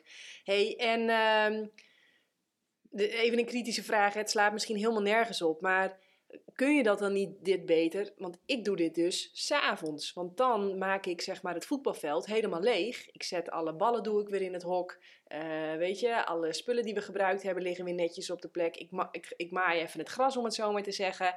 En dan kan ik helemaal ja, leeg die nacht in. Dan kan ik pak ik superveel diepe slaap. Want ja, eh, er hoeft niks meer opgeruimd en schoongemaakt te worden. Dat heb ik zelf al gedaan. Met als gevolg dat ik eh, heel energiek om vijf uur wakker word. en dan hoef ik niet te journalen. Ik kan direct knallen. Ja. Dus, dus waarom had jij, heb jij gekozen voor ochtends? Dat hangt denk ik ook heel erg van af van hoe je brein werkt. Ehm, ik merk dat als ik aan het journalen ben en er komen allerlei acties uit, dat ik zoiets heb die wil ik zo meteen oppakken. Want morgen moet ik dat namelijk dan weer opnieuw gaan ervaren, dat, dat er soort van zoveel energie uitkomt. Ja. Ik schrijf wel aan het eind van de dag een soort van, oké, dit zijn de dingetjes waar ik vandaag niet aan toe ben gekomen, dit gaat naar morgen. Om het wel een beetje, ja, anders neem ik dat toch ook mee naar bed. Maar als ik voordat ik naar bed ga, ga journalen, dan komen er toch ook weer, ik, ik ben dan echt, ja, ik ga een soort van verdieping in. Terwijl mijn brein aan het uitgaan is. En dat voelt voor mij alsof het zeg maar twee krachten tegen elkaar inwerken. Dus ik probeer eigenlijk ook altijd Ja. thuis is thuis. Ik probeer ik zoveel mogelijk werk gewoon echt op kantoor of als ik ergens flexwerk te doen. En dat dan ook daar af te ronden. En s'avonds is voor mij, eh, ja, ik ga tussen negen en half tien in bed met een boek. En een boek dat niks te maken heeft met, dat heeft wel een tijdje gekost, want ik had echt zoiets, oh, ik wil nog meer weten over of spiritualiteit of ondernemerschap of weet ik het allemaal. En nu is het gewoon, ja, ehm ben ik nu aan deze? Nou, gewoon een roman in ieder geval, of tenminste iets wat to- totaal niks, gewoon een verhaal. En dan ben ik binnen tien minuten weg. Ja, leuk. Ja, ik, ga, ik val dus heel vaak in slaap met Eckhart Tolle. Hij, hij, hij trekt je direct naar het nu. Ja, En eh, dat is voor mij te cognitief werk nog. oké, ja. Ik, ik, eh, ik vind het heel fijn om naar. Pod... ik was laatst eh, was ik mijn Storytel een soort van jaar ding aan het kijken. En toen zei ja, te- dit jaar naar 62 boeken geluisterd. Toen dacht ik echt, oh, waar heb ik dat in godsnaam in, inge, ingekregen? Maar ja, ik, als ik in de auto zit of ik zit op de fiets en of ik ben als ik een rondje ga wandelen, vind ik het gewoon heel interessant. Ik ben nu een boek aan het luisteren over hechtingstijlen. Mega boeiend. Ja. Ehm, maar s- ja, s'avonds heb ik zoiets van, dan moet Eckhart Tolle gewoon even tot morgen. Ja, ja, ja, nee, ik eh, snap hem helemaal. hey, leuk. hey, en ehm, je zei van een cursus in wonderen, die reist nu eigenlijk met me mee. Wat, wat pak jij echt uit dat boek? Dat vind ik een hele moeilijke vraag om te antwoorden. Want het is namelijk ook soms, je leest het en dan valt er soms een kwartje vijf dagen later. Of je staat onder de douche en dan merk je, soms dan merk ik in de dingen die ik zeg. Bijvoorbeeld heb ik een discussie met mijn vader, die, heeft, nou, die zit heel tot over zijn oren in het nieuws en dan ik niet. En ehm, over de manier, nou ja, er is, zijn maar twee emoties, liefde en angst. En dat ik echt denk, oh, ik loop dit nu zo op te dreunen, dit zit dan toch dieper dan ik eigenlijk dacht. Ehm, en het zijn dat soort momenten dat ik denk, oh, ja, de cursus zit dan toch eigenlijk. En nou, het is niet alleen een cursus, maar het zijn een heleboel andere spirituele boeken en ook nou, een aantal psychedelische reizen die ik heb gemaakt. En dat zit dan toch zo eigenlijk op mijn rug gegaan, zonder dat ik er echt heel erg bewust erg in heb. En soms merk ik het ook heel erg wel, dat iemand me afsnijdt in het verkeer en dat ik echt denk van, zo, jij moet een, jij moet een lastig bestaan hebben. Dat ik echt denk, nou, dit had ik een paar jaar geleden, was ik echt hier heel erg woedend over geworden. Of, terwijl, ja, het gaat niet over mij. Dit gaat over wat diegene daar aan het doen is. En dat soort momenten zijn, heel vaak ben je daar gewoon niet heel erg bewust van. Je, je leeft de hele dag met jezelf, maar soms is het ook echt van, oh, nou, dat is best een volwassen reactie die hier zojuist plaats heeft gevonden. Ja, ja mooi. Hey, en je noemde al uh, ook dat het boek van Eckhart Tolle jou heel erg veel heeft uh, gedaan. Maar ik hoor 62 andere boeken. Kunnen we daar een top 5 van maken? Dat je zegt, oké, spiritualiteit, deze vijf. Maar uh, luister jij en ben je ook bezig om een business uit de grond te stampen? Begin dan bij die. Want ik, heb, ik merk wel, ik, ik luister en lees ook superveel boeken. Uh, dit klinkt echt vet arrogant wat ik nu ga zeggen. Maar ik heb dan toch wel het idee dat ik inmiddels kan zeggen van... Nou, begin met die en nee, niet die voor die. Want dat is too much. Je moet echt bij die beginnen, ja. tenminste. Uh, oh, dit vind, ik wel, dit vind ik wel lastig. Het eerste wat in me opkomt is APK voor ondernemers. Um, dat is een boek uh, van Sebastian Hoofd. Ik kan me nog herinneren, de eerste keer dat ik dat luisterde, was ik echt van... Um, toen was ik net gestart en toen had ik echt zoiets van, wow, dit staat allemaal nog zo ver van mijn bed. En toen heb ik het twee jaar later nog een keer geluisterd. En toen was ik echt, oh, grappig dat dit boek toch wel weer op een heel ander punt nu, een heleboel andere dingen, dat ik hier heel andere lessen uit haal. Ja, ja. En wat ik ook wel grappig vond is, ik kan me Wacht nog... even, sorry, we moeten daar toch even bij stilstaan, want een topsporter doet niets anders dan herhalen, herhalen, herhalen, herhalen, herhalen. En tuurlijk zegt mijn coach, die zegt op dit moment precies hetzelfde als 15 jaar geleden. Maar toch heeft het nu een andere dimensie, omdat ik ben anders, mijn techniek is anders, weet je wel. Ik heb zo'n andere basis. En ik zou ook zeggen, lees liever één boek tien keer en ga echt voor die verdieping, dan dat je tien boeken één keer half leest. Ja. Net niet die die schatten die toch altijd in de diepte ligt eruit. Hangt wel van het boek af, though. Ja, hangt dan wel weer van het boek af. Maar Um, heel gaaf ook om te horen dat je zegt: Ik heb het boek toch nog even een keer erbij gepakt. En ik ben het toch nog even een keer gaan lezen. Misschien nog wel een keer, misschien nog wel een keer. Ik heb uh, de boeken van Marion Williamson, die, nou, die denk ik al iets van zes keer geluisterd. Ja. Um, zij heeft ook heel veel gewoon talks. En ik vind eh, soms als ik merk, ik zit even niet zo lekker in mijn vel, of ik heb gewoon eventjes wat, wat nodig, dan is het, oh ja, ik ga gewoon even Queen Marianne aanzetten. En het is gewoon zo. Nou ja, wat ik eigenlijk net al zei. Het is een soort van zo. Ze spreekt zo gewoon het, het kootjesvolk, de, de taal. Terwijl het heel hoog spirituele dingen zijn. En het gaat over een soort van hoe ga ik angst in liefde omzetten. En hoe ga ik om met hardship. En negatieve overtuigingen die ik heb over geld. Daar gaat het ook over. En dat zijn wel echt. Ik vind haar boeken wel echt pareltjes. Um, ik weet eventjes ook niet eens meer. Ja, weet je, dat, je zet ook zo'n boek aan. Dus dan is het soort van. Ik weet wat erop staat, maar ik weet even niet eens, niet eens wat de titel is eigenlijk. Um, maar. Ga je liever naar je psycholoog of zet je liever even uh, Mary Queen, Marianne aan of Eckhart Tolle of...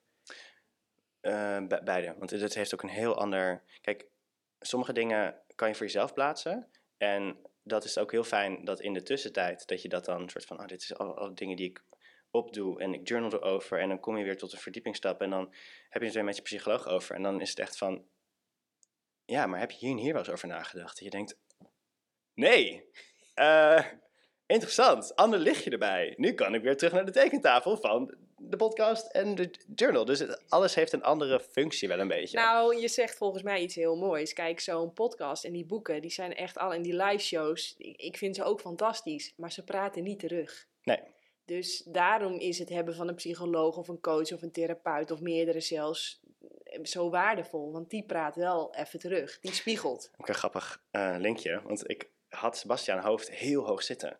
En toen dacht ik na een tijdje, ik kan hem letterlijk gewoon een bericht sturen. Dus we zijn een paar keer gewoon door het Vondelpark gaan wandelen. En toen had ik echt zoiets van, wow, ik vind deze man echt super uh, inspirerend. Maar ik ben nu gewoon met hem een rondje aan het wandelen. En dat kan gewoon. Het heeft best een tijdje geduurd, want wij kennen elkaar inmiddels wat langer. Maar um, voordat ik jou, dat ik naar jou had uitgereikt en dat ik naar Isabel uh, had uitgereikt, omdat ik een beetje zoiets had van, ja, maar deze mensen zijn succesvol. dat, dat, dat, durf ik toch helemaal niet? Terwijl, ja, weet je, dat is ook weer een les uit de cursus. Uh, het zijn we zijn allemaal mensen. We zitten allemaal gewoon straks weer te kakken op de wc. Ja, nou ja, en sommige mensen hebben mooiere poep dan andere mensen. Maar goed, die competitie eh moment. Ja, ja leuk. Leuk. Hey, en je zei op een gegeven moment ook, die heb ik ook nog even opgeschreven.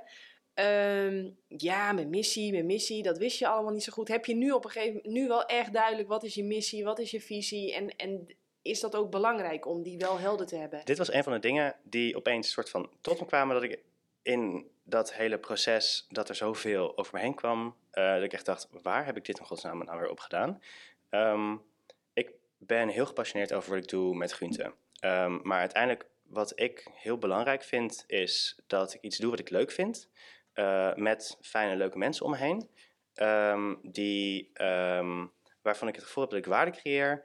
En ehm, dat, ik, eh, dat ik er een beetje goed in ben. Of anderszins ergens dat ik iets kan leren eventueel. En als, het, als ik aan die vier eh, nou ja, voldoe, dan kan ik putjes scheppen worden, bij wijze van spreken. En ik heb nu, Gunthe is gewoon een heel mooi bedrijf waarmee ik het gevoel heb dat ik dat heel mooi, nou, dat het zeg maar, dat die energie gekanaliseerd kan worden. Ehm, maar dat zijn gewoon, dat zijn, even los van mijn bedrijf, dat zijn gewoon voor mijn leven de belangrijkste punten. En dat gaat ook over authenticiteit en zelfexpressie. En ook, ik heb, ik heb nagellak op. Ik merkte dat dat heel lang zoiets van de, ik vind dat gewoon lachen. Maar dat was heel lang een soort van limiterende overtuiging. Ah, dat kan ik toch niet doen, want ik ben een ondernemer. En wat zullen mensen wel niet denken? Terwijl, ja, weet je, laten we elkaar alsjeblieft allemaal niet, zo, of in ieder geval jezelf niet zo serieus nemen. Dat is een lang, lang antwoord op een korte vraag. Nee, maar wacht even. Ik heb eigenlijk nog helemaal geen antwoord. Is dan dus eigenlijk je missie gewoon eh Berend een leuke dag? En je visie is dat we allemaal een leuke dag hebben. Met een beetje gezond is dan wel handig. Nou, die missie zit daar ook, ook heel erg in, zeg maar, dat met eh, dingen doen die toegevoegde waarde hebben en samen met mensen. Ehm, nou, daarmee, zeg maar, dat is nu met Gunthe is dat een, een bedrijf creëren. Ja, maar ik hoor jou helemaal zeggen dat eigenlijk is groenten is nu jouw middel om jouw doel te bereiken. En jouw doel is namelijk het hebben van een leuke dag. En dat en dat en dat heb je daarvoor nodig. Ja, nou, en, en ook het creëren van waarde. En met Gunthe is dat heel erg dat ik mensen nou ja, verleid tot het maken van een gezondere keuze. Ehm, en ze tegelijkertijd ook probeer een beetje te kietelen over van... hé, hey, wat, maar wat steek ik dan de rest van de dag onder mijn neus? Ja. Ehm, en de manier waarop ik dat doe is dus door nou, producten te creëren binnen dit bedrijf. En dat bedrijf verder te laten groeien, zodat het op enig moment, want zo gaat het in de retail, overgekocht gaat worden door een Unilever. Ehm, en dat ik dan het gevoel heb van. Ik had eerst heel erg zoiets van, ik sta vrij negatief tegenover alles wat er in de supermarkt eh, eh, plaatsvindt. En dan kan je twee dingen doen. Of je kan gaan lopen ageren en zeggen, dit is allemaal helemaal slecht. Of je hebt zoiets van, ik ga gewoon een zaadje van liefde planten, dat ik hier aan het creëren ben en die ben ik groot aan het groeien en uiteindelijk wordt die zo groot dat die, dat die overgenomen gaat worden, maar daar zit zo'n sterke core value zit daarin, dat dat blijft bestaan. Ehm, en dat was heel erg van mij een soort van, nou ja, dus eigenlijk meer een soort van gedachte vanuit liefde dan vanuit angst. En daar zitten dingetjes in. Want ik merk dat sommige, ik, ik heb heel vaak gehad dat mensen heel erg soort van, ja, en je doet het spel van de retail mee. En ik zie van, ja, maar jongens, ik kan ook mijn eigen soort van kleine moestuintje hier maken en met, met, met niemand anders bemoeien. En dat is heel leuk voor mezelf. Maar wat ben ik dan aan het doen voor de mensen die niet met dat leuke kleine schattige moestuintje bezig kunnen zijn? Dus dat is de grotere missie. Mooi. Mooi. Zullen we eventjes gaan proeven? Ja, jij weet Ja. wel hoe ik proef natuurlijk. Ja, maar maar eh, Ik eet dus echt. ik eet er best veel op een dag. eh, en in een week eigenlijk.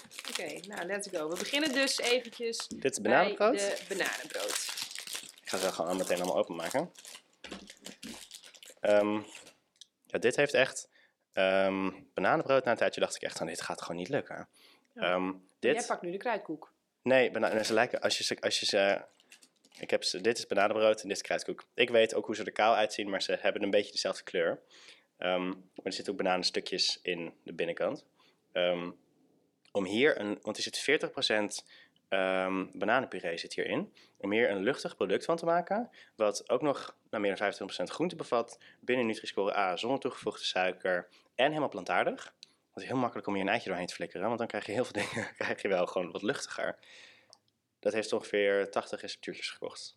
Ik geloof het. Maar het is wel gelukt. Nou, nou hij is ook heel, hij is heel juicy geworden. Ja. Ik pak even de ingrediënten erbij. Ik ben super nieuwsgierig. Hm? Pastinaak. Courgette. En meestal doe ik met mensen die het nog niet... Kikkererwten. Ja. Bananen. ja, sorry, wat doe je? Nou, dan vraag ik van... Vertel mij eens welke groente hierin zit. En ja, ik proef banaan. Ja, Ja, dat is prima. Dus degene die de groente daar... Ik zeg ik meestal voor de grap van... Nou, ja, als je het kan raden in één keer of in drie keer... dan ben je van mij een jaar voorraad aan kruidkoeken dan wel bananenbroodjes. Nog nooit over weggeven. Lachen dit. Nee, dat, hoef je, dat, dat proef je helemaal niet. Nee, dat is, ook als je het zou terugproeven, dan, dan moet ik toch echt weer terug naar de tekentafel. Want dan gaat het eens niet goed. Mhm. Lachen, hè? hey, en heel laag in vet. Nou, Ja, dat is echt top. Want Ja. ik merk dat heel veel dingen, die zitten zo vol met vet. Dan kan je het echt niet eten voor je training. Of dan, nee we hebben ook, ik had ook zoiets van... ehm, het, is, ik, het heet een veggie cake, maar het is niet het, precies hetzelfde als hoe je een cake bakt. Want er zit geen... ehm nauwelijks plantaardige wow, olie in. en veel. Sorry hoor dat ik door je heen praat. Super veel vezels, Maar moet je hè? deze kijken. Is kruidkoek. Daar zit, Dit is eh, lachen. Heel weinig zout. Nou, ja, ja 0,6 gram. er zit wel wat, wat zout op. Ja. Ehm, dat is ook een beetje omdat je anders, ehm, ja, qua smaak, het is best veel zoet. En Ja. je kan het met een frisje kan je het iets Mhm. anders krijgen, maar dat kan wel. Daarmee zit hier weinig, bijna geen zout in. Ja. Maar in een bakproduct lukt dat niet zo goed. Nee. Ik ben ook echt verbaasd dat eh, alle mensen die helemaal gefocust zijn op eiwitten, die pak jij ook gewoon nog even mee, hè? Ja. Want ehm, eh, 7,3 gram eiwit. Je moet even de kruidkoek kijken. Die heeft echt Oké, nog. die ik ga nu naar de kruidkoek. Voedingswaarde. Er zitten nog meer vezels in. Holy. En ehm, ik weet even niet meer uit mijn hoofd hoeveel eiwit erin zit. Maar Ja, het zou mijn focus niet zijn. nee, maar dit is bijvoorbeeld- zou, maar het is wel geinig, hè? Ze gaan nu de zorg in. Ehm, en 12,8 gram vezel. ja, Oh, sorry, je moet nu misschien even je oh nee, eiwitten, nee, sorry, eiwit is inderdaad hoger bij het bananenbrood. Ja, Ehm, maar vezels, ja, dit is gewoon, er staat vezelrijk op en dat, dat mag ook echt wel zo heten. ja, dat mag wel zo. Courgette, pastinaak, dadel, eh sigorij, Dat is witlof. Er zit Ja. ook nog witlof in. Oké, nou, daar gaan we. Die zit lekker zelf. Ja, ik eet echt, ik eet echt met gemak twee van deze dingen per dag. Ehm, ik vind het wel grappig. Mijn ouders, nou, die zijn dus echt al fan van, van het eerste uur. Maar die eten toch niet zo heel vaak veggie oats. Want die eten toch vaker een boterham voor het ontbijt. En ik van ja, dit zit, nou, dit zit zo ingebakken. Deze mensen zijn boven de 60. Dit ga, ik- dit, ga- ik heb mijn best gedaan. Dit ga, ga ik niet meer kunnen veranderen. Maar mijn vader zit nu heel vaak... ehm, ze waren altijd van een stukje chocolade op de bank met een theetje. En nu zit mijn vader heel vaak eh, dit aan te eten. Ja, beter. Ja, we, we hebben, we hadden een tijdje een webshop. We hebben nog steeds een webshop, maar die is inmiddels wat meer richting B2B eh, Mhm. gericht. Maar eens in zoveel tijd dan zie ik een doos d- van 30 kruidkoeken. Theo Eberson. Ik denk, pap, je kan toch ook gewoon even bellen? En dan zit hij gewoon zo. Ik wil even een eh, doosje opgestuurd krijgen. Maar dat vind ik dan wel grappig. Veel minder zout in deze. Super veel vezels en nog lager in vet. Nou, Het is ook, het, is, het valt mij echt, heel- ja, en dat komt natuurlijk door die grote hoeveelheid groente, hè? Heel weinig calorieën. ja. Ja, er zit maar zit max 150 calorieën in zo'n ding. Wow, dat is echt weinig. Want ik zou dan wel direct denken, wow, dan heb, ben ik zoveel aan het eten, zo weinig calorieën. ja, ik Ja, ben dus wel. Niet, ik ben dus niet zo heel erg gericht op groenten. Want dan denk ik altijd, ja, dat neemt veel ruimte in beslag, weinig calorieën. Ik ga dus meer richting de bananen en de dadels en eh, nou, ja, die kant op. Ja, Maar het is er, ja, het is gewoon. Waarom zou je nu nog een, een, een eh, ja, zo'n zo'n zo'n zo'n snelle jelle of weet ik veel wat achterover drukken? Dat Ja. wil je toch niet? De grap is ook als je ze naast elkaar proeft. ehm, deze, deze komen ingevroren aan. Want zeg maar, je kan een, een snelle is super lang houdbaar. Omdat daar gewoon. Dat is heel, zo droog als een kurk. Maar Ehm, dood. Ja, Dood. dus daar gebeurt niks mee. Nee. En mijn producten hebben een eh, houdbaarheid van drie dagen na ontdooien. Dus dat is in principe ook voor, als het, voor de retail, voor, voor mijn cateraar, is het gewoon net als nou ja, andere verse muffins en dat soort dingen. Ehm, maar oeh, het is, ehm, het is een veel, ehm, ja, het heeft veel meer vocht, zeg maar. Het is moist, zonder dat het helemaal vol met plantaardige Mhm. olie zit. Ja. Het is geinig. eh, Ja, ik eet ook gewoon nog even lekker door. ja, leuk. ja, nou en dit, deze hadden we gelanceerd, ehm, even denken, oh, nou, iets meer dan een jaar geleden. En met de veggie oats ben ik heel lang met de eh, twee grote groothandels in gesprek geweest om het op te nemen. Ehm, bij de kruidkoeken was iemand van Bitfood die verantwoordelijk is voor de zorg. Die, was, die kwam ik toevallig tegen op een eventje en zij was echt, dit is helemaal top. Ja, dit gaan wij heel groot maken. Vier weken later lagen we bij Bitfood. Ehm, terwijl dat zijn normaal processen waar je maanden mee bezig bent.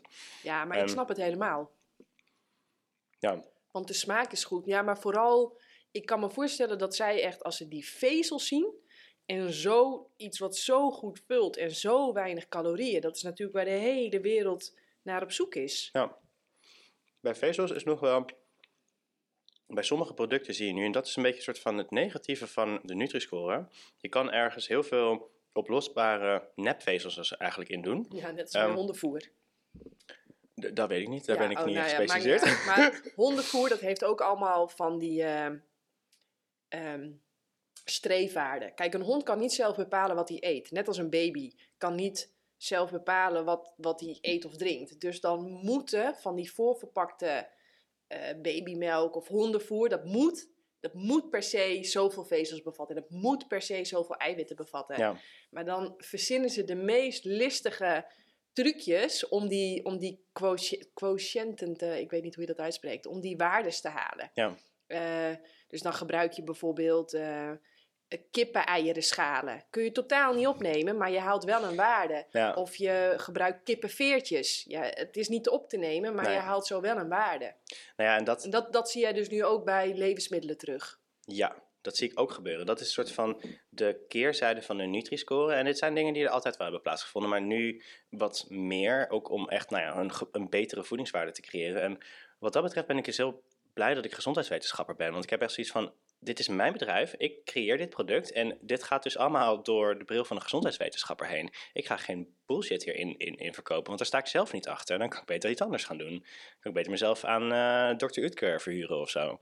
Ehm, en dat vind ik soms nog wel lastig van, ehm, nou ja, een, een Nutri-score of nou, bepaalde producten die als gezond worden gepresenteerd.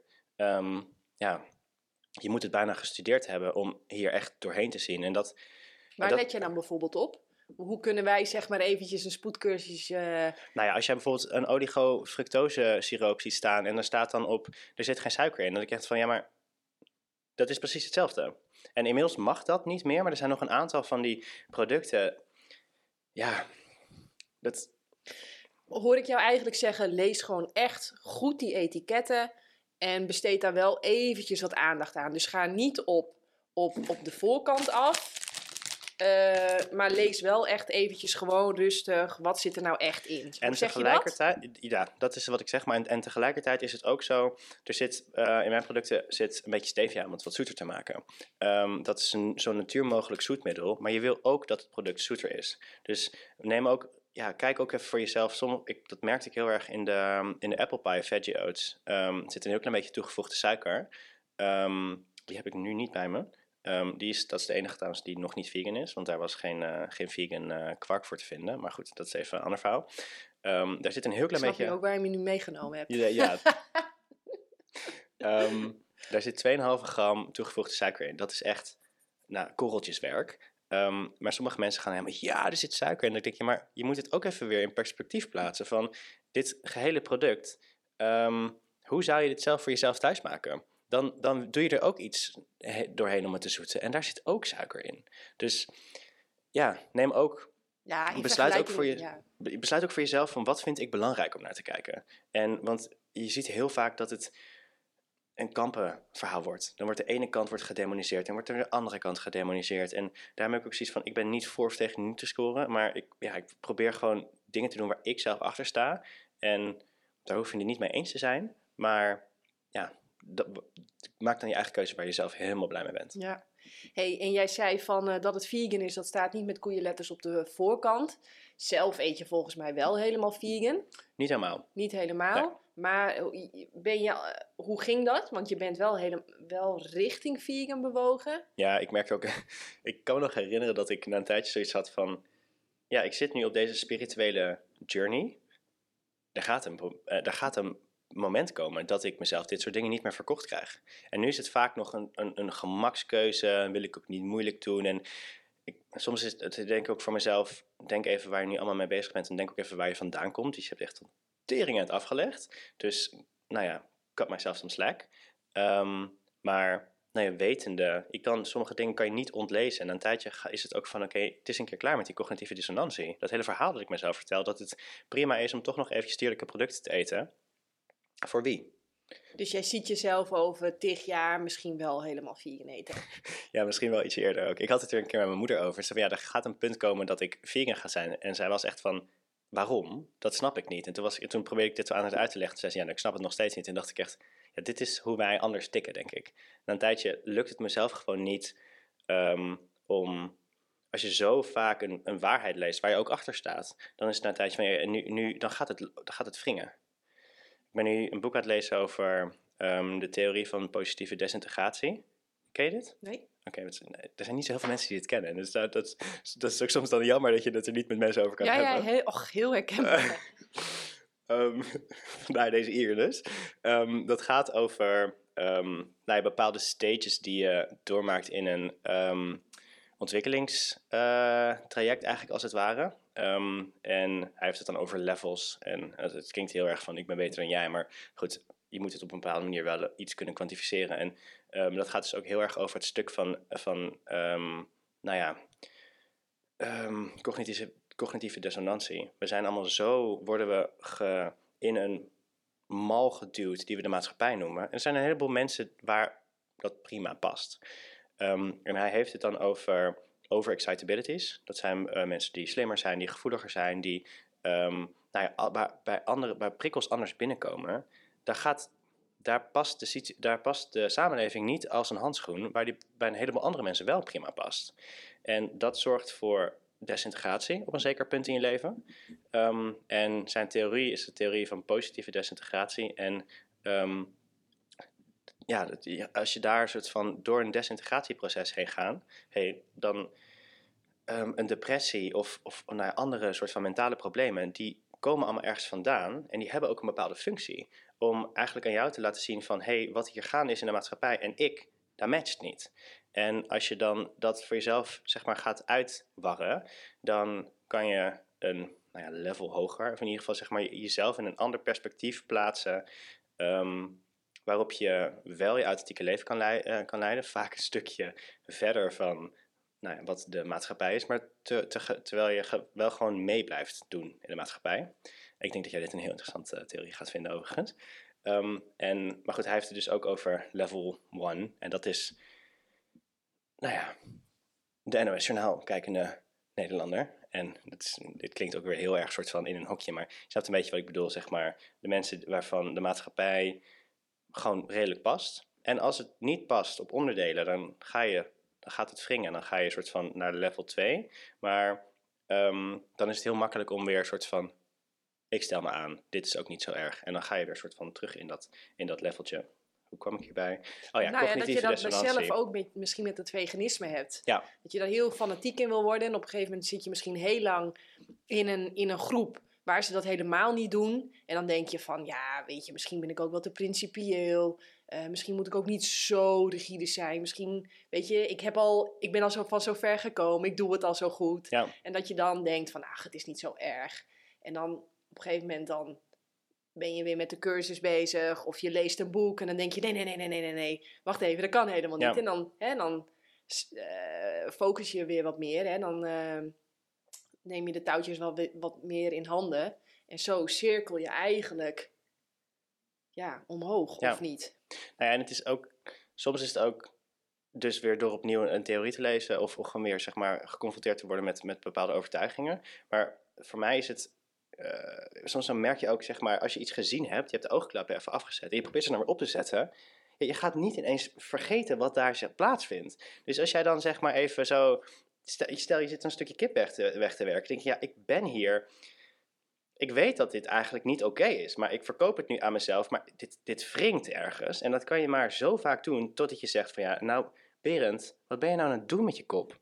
Ehm, ja, en dat vegan moment gaat voor mij ook eh, op enig moment komen. En ik denk dat dat misschien niet zo heel lang meer gaat duren. Leuk hè, om er ook even over te praten. Ja. hey, ehm, ik was nog heel nieuwsgierig, want jij zei, ik vroeg jou naar die vijf boeken. Vijf spirituele boeken, vijf boeken voor die business, uh, als je die business uit de grond wil stampen. Ja. En toen begon jij met APK voor ondernemers van Ja. eh, Bastiaan Hoofd. Komen daar nog andere boeken achteraan? Ehm, ik vind de ehm, Simon Sinek, dat Why, How, What boek, maar voornamelijk ook de Infinite Game, eh, het oneindige spel. Ehm, dat gaat dus heel erg, dat is heel grappig, want als je dat aan het lezen bent met een soort van spiritueel blik, is het echt van, dit is echt een spiriwierenboek, maar dit gaat over ondernemerschap. En heel vaak zit dat zo ontzettend met elkaar ja, ja, ja, ja. verweven. Ehm, het was voor mij, ik vond dat een heel interessant boek. Ehm, gosh, er zijn, ja, er zijn ook best veel Nou, je noemt toch al even wat. ja, nou, dit, dit zijn meer soort van de ondernemersboeken. Er zijn zoveel boeken die heel erg belangrijk geweest zijn, maar die nu zo, net als, zeg maar, nu ben ik aan het lezen over hechtingstijden, maar daar, ja, daar wist ik al wat van vanuit een ander boek dat ik dan had gelezen. Maar dan voelt het van, daar, dit is ook weer een hele tijd geleden, terwijl het wel echt een heel ehm, groot kantelpunt is. De boeken van Brene Brown. Ja. Dat was voor mij ook een hele belangrijke. En, eh, als je ooit niet lekker in je vel zit, en je hebt zoiets van, ik moet hier even uitkomen. Podcast, Oprah en Brene. Die echt, die spreken, die eten uit elkaars hand, die spreken dezelfde taal en ze hebben alle twee een hilarische lach. Dus die gieren met z'n tweeën. Je kan gewoon niet depressief blijven als je dat aan het luisteren bent. Het is echt top. En er zitten ook echt pareltjes tussen, wat ze, wat ze namelijk zeggen. Ja, ja. ja sowieso. eh, even kijken of het hier goed gaat. Ja, het gaat helemaal goed. Nee, ja, sowieso eh Brene Brown, al haar boeken. Ja, Ja, mooi. Zijn we nog wat vergeten? ja, Ja, eh, belangrijk onderdeel. Want ehm, we zijn dus nu, ik heb net een heel verhaal verteld over hoe we gegroeid zijn in de afgelopen paar jaar. Nou, waar ook een Oh ja, aantal tuurlijk. We kunnen hobbels in win-win zaten. maken. Precies. Ehm, we zijn nu net begonnen met een sharefunding campagne. Ehm, ook vanuit een beetje een soort van de ideologie nou, die ik met het bedrijf wil neerzetten.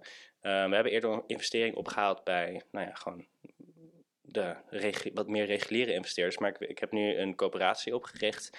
Die heet de Groenteboerencoöperatie. En daar kan je onderdeel, a.k.a. een groenteboer, van worden. Ben je, Ehm, ben je dan een groentenboer of broer? boer. Oh, boer. Oké, top. Als in groenteboer, maar dan Ja. met een u-omluid. Ja, oké, dus wacht eventjes. Als ik het goed hoor, kunnen we dus nu gaan investeren in dit product. Ja. En we kunnen dan straks, eh, als dit helemaal booming wordt, mee profiteren van de winst. Ja, exact. Ja, ga, dus- ga ik ondertussen even een lepel halen, want we moeten nog twee dingen proeven. Oh, ja, inderdaad. Eh, ja, we zijn die fundingcampagne nu anderhalve week geleden eh, gestart. Ehm, ja, ja, ik vind het gewoon best wel leuk. Mijn ouders, die zaten natuurlijk, want ik had jou verteld over de Friends Family Fools eh, lening. Ik vind dat voelstukje altijd een beetje lullig klinken, maar goed.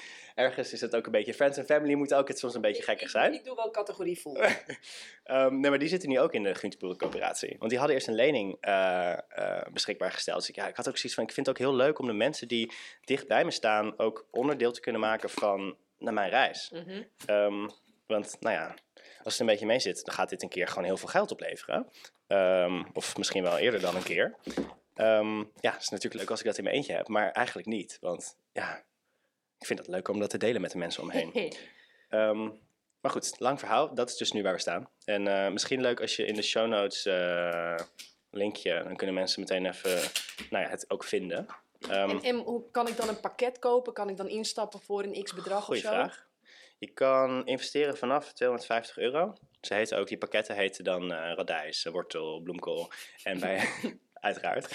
Ehm, we hebben ook Mm, Elke trouwens. smaak heeft een eigen vormgegeven groentetje. Ehm, en dat zijn ook de, nou ja, hoe die pakketten eruit zien. Oh ja. Ehm, en hangt een beetje vanaf welk pakket je kiest, wat je er dan ook weer voor terugkrijgt. Want naast dat je investeert, krijg je ook een, eh een groentetas. Eh, of we gaan binnenkort een, eh, een diner organiseren. Ehm, er zit een, eh, bij één pakket zit een, een rondje bij de bakker. Dus dan ga je gewoon helemaal zien van hey, hoe gaat dat hele ontwikkelings, of tenminste het hele productieproces. Ik vond dat dus heel vet om te zien. ik keek vroeger altijd naar eh How It's Made. En ik van hele ja. grote banden met flessen en dingen. En nu gingen er dus allemaal van die... Nou, er staat gewoon een hele grote machine. Het wordt eerst allemaal met de hand wordt het gemaakt. Maar ook geen hele grote van die draaimachines. En dan wordt het in van die malletjes gespoten. En dan gaat het in een knettergrote oven. Waarvan die, nou ja, het staat allemaal te draaien en te doen. Nou, ik vind dat heel tof. Ja. Ehm, en zeker dan ook besef moment, dat doen ze dus voor mijn producten. Eh, maar goed, dat is dus een van de pakketten die ik kan kopen. Gaaf. Ik ben nu zoete aardappel met wortel, eh, met havermout, ananas, krenten, een beetje azijn, kruiden, een beetje zout en een beetje stevia aan het eten. Dit is toch ook weer geinig, hè? Ik vind het grappig als mensen dit voor het eerst ehm, zien. Dan draaien ze het om en ze dus van, huh? Maar er zitten allemaal producten in die, ook gewoon, die ik ook gewoon in mijn keukenkastje in de koelkast heb staan. Een soort van bijna verwondering. En dat Ja. is dus eigenlijk nu, nu hoe het met ons eh voedselsysteem gesteld staat. Dat mensen Mhm. verrast zijn als het gewoon pure ingrediënten bevat. Ja, ik moet zeggen dat ik er ook verrast over ben, want ja, nou ja dat vind je gewoon niet vaak in zo'n verpakking. Nee, Ik bedoel, ik ga wel eens naar de gewone supermarkt. En dan zie ik natuurlijk altijd weer nieuwe dingen. En dan pak ik het. Maar het is toch vaak dat je het toch weer terugzet. Want het is gewoon zo vaak zoveel troep, jongens. de reden dat ik er niet met koeienletters vegan, want ik heb er wel vegan op staan, maar dus niet knettergroot. Oh nee, ja, is omdat hier. er heel veel. ehm, ik zeg niet dat het allemaal slecht is hoor, maar ik bedoel, Oreo's zijn vegan. Nou, dat eet, je Oh, niet, ja. dat eet je niet voor je gezondheid. Je kan vegan eten met eh, Mhm. chips, brood, witbrood en, en Oreo's. Ehm, dus ik heb altijd zoiets van, ja, ik ben, wat ik doe is gezondheid, groente first en dan plantaardig second. Nou ja, dan sla je misschien wel twee vliegen in één klap als eh, vegan. Twee vegan vliegen in één klap. Ik heb Soms- hem wel weer hoppakee naar achteren. Ik ben ook flink aan door. Nou, ik, wij zitten zo meteen alleen uit deze producten aan onze 100% van de aanbevolen dagelijkse hoeveelheid. Maar ik denk dat dat sowieso niet zo'n Die heel had ik denk ik sowieso al Ja. gekopt. Dat, dat is zo lekker met groene smoothie, weet je wel. Soms heb ik twee, drie van die groene smoothies. Dan moet het avondeten nog komen. Hè? Ja. Dat is bij ons meestal een win-win salade. Maar als het dat een keer niet is, omdat ik ergens anders eet of uit eten ga, dan denk ik, ja, weet je wel, maakt mij het uit. Ja. Dus eh, dat is altijd lekker. ja, daar sta eh, je met hoed hoor. En, geen, en zonder baard. ja, die baard is- Alleen al voor de binnenkant wil je hem even kopen om te kijken van hoe zag Berend er toen uit. Precies. Oké, en dan eh, hebben we nog ehm, Banana vegan. een banana pekan. 40% groente. Moet even kijken. Ja. De richtlijn was bij de veggie oats minimaal 40%. Want dan kom je in één zo'n bakje namelijk met, meteen op 25% van je aanbevolen dagelijkse hoeveelheid. En bij de veggie cakes 25%. Want dat is natuurlijk ook een Ja. meer solide product. En dat, ja. Maar wat ik dan wel weer heel, veel heel leuk vind, hier zit weer heel veel banaan in. Dit is, Banaan, pastinaak, koolraap. Het zijn ook nog van die groenten, die zou je normaal, ja tenminste. Ehm, dat was nog best een uitdaging. Want ik was hiermee gegaan naar mijn producent en die had koolrabi gekocht. Toen was ik, nee, koolraap. Toen kwam hij met knolselderij. Dus ik, koolraap! Ja, en toen had hij een mei, want een meiknol eh, wordt ook wel eens... ehm, nou goed, het zijn, het zijn allemaal groenten die best wel dicht bij elkaar liggen. En toen had hij dus vier van die knollen gekocht. En toen was ik, dit is een koolraap. ja, ja. ja. Deze, deze vind ik echt lekker ruiken. Die. ja, die, zit, die ruikt ook heel kruidig. Die Ja. bananen, En bananen deze- pecan... Ja, dan ruik je toch weer die banaan. Ja, maar die heeft niet een hele soort van extra kruidige, spannende geur. Het is vooral eh vrij... Dit is in totaal 80% groente en fruit. Deze. Ja, ja maar er zit 40% eh Ja. koolraap eh, Ja. en pastinaak in en 40% Mhm. banaan. Ik proef een heel klein beetje de pastinaak. Ja, ik vind dat toevallig heel lekker. Kun je echt alle kanten mee op, vind ik ook, met Ja, pastinaak. het is, ik heb ook heel erg, zeg maar, die koolraap, pastinaak. Pastinaak heeft iets een beetje aanijzigs. Dus je wil, ik Mm, wilde ja. niet dat dat, ehm, nou ja, dat je echt, oh zo, ik ben pastinaak aan het eten, maar dat je wel een beetje dat, ja, toch een beetje gebruik maakt van de, het smaakprofiel van de groente die je Ja. in dit dan, in geval gebruikt. Ik zit, in- ik zit Knap, inmiddels wel vol. Ik ben echt goed gelukt. Ik vind het zo knap. Thanks. Ja, ja het heeft Ik ga, sorry, ik ga weer even naar de ingrediënten kijken. Oh, weer laag in vet, deze ook. Wow, deze... Maar de lekkerste is ook nog het laagste in vet, vond Ja. ik zeg maar eens even. Die, Nou ja. eh, Daar zit een beetje noten in, maar voor de verder zitten er, zitten er, geen, eh, zit er geen vetstof in.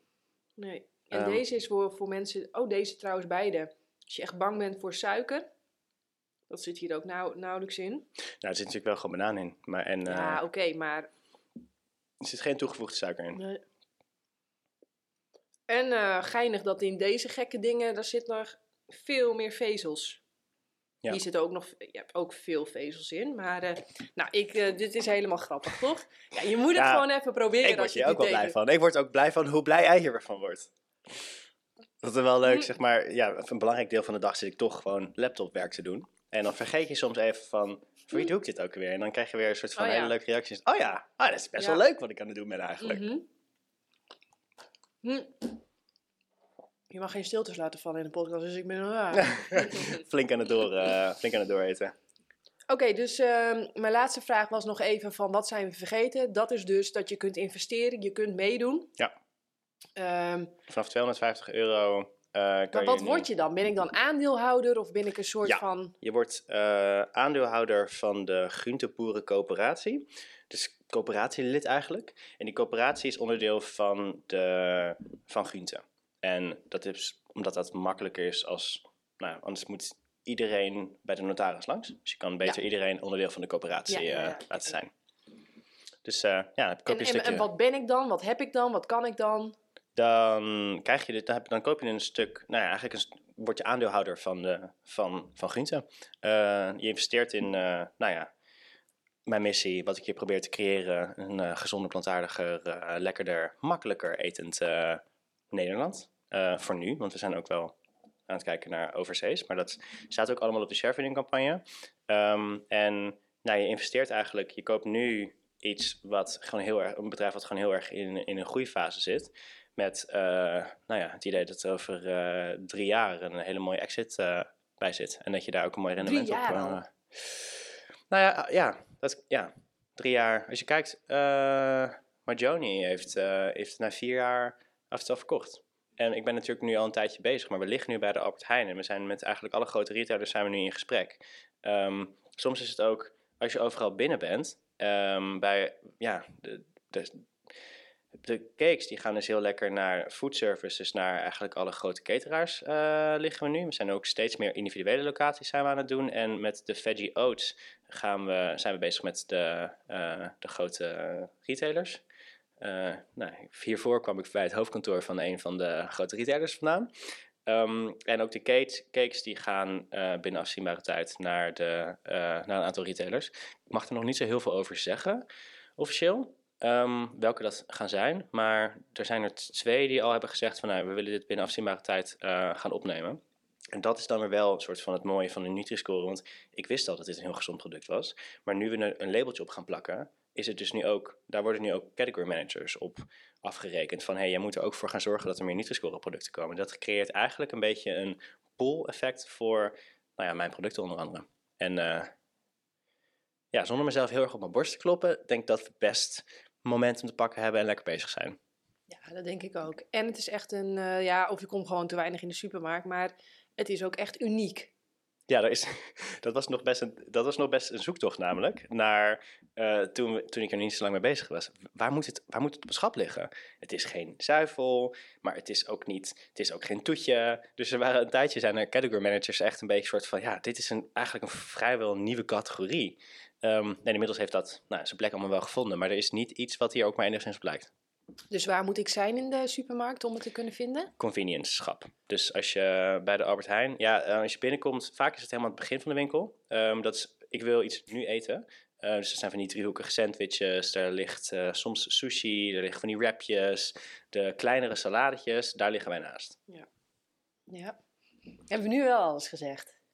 Eh, ja, ik denk dat we nu wel een heel eind zijn. Ik kan nog heel lang over spiritualiteit en over het ondernemerschap praten, maar het is misschien ook gewoon een keer goed om hem af te haken. Leuk. Heel erg bedankt. Ja, jij ook. Ja, gaaf verhaal. Jij ook, heel erg bedankt voor het kijken, voor het luisteren. Vind je dit gaaf? Ga dan naar jannekevandermeulen.nl. Dat is de plek waar je het boek De Eiwitleugen vindt. Dat gaat echt over super, super, super gezond plantaardig eten.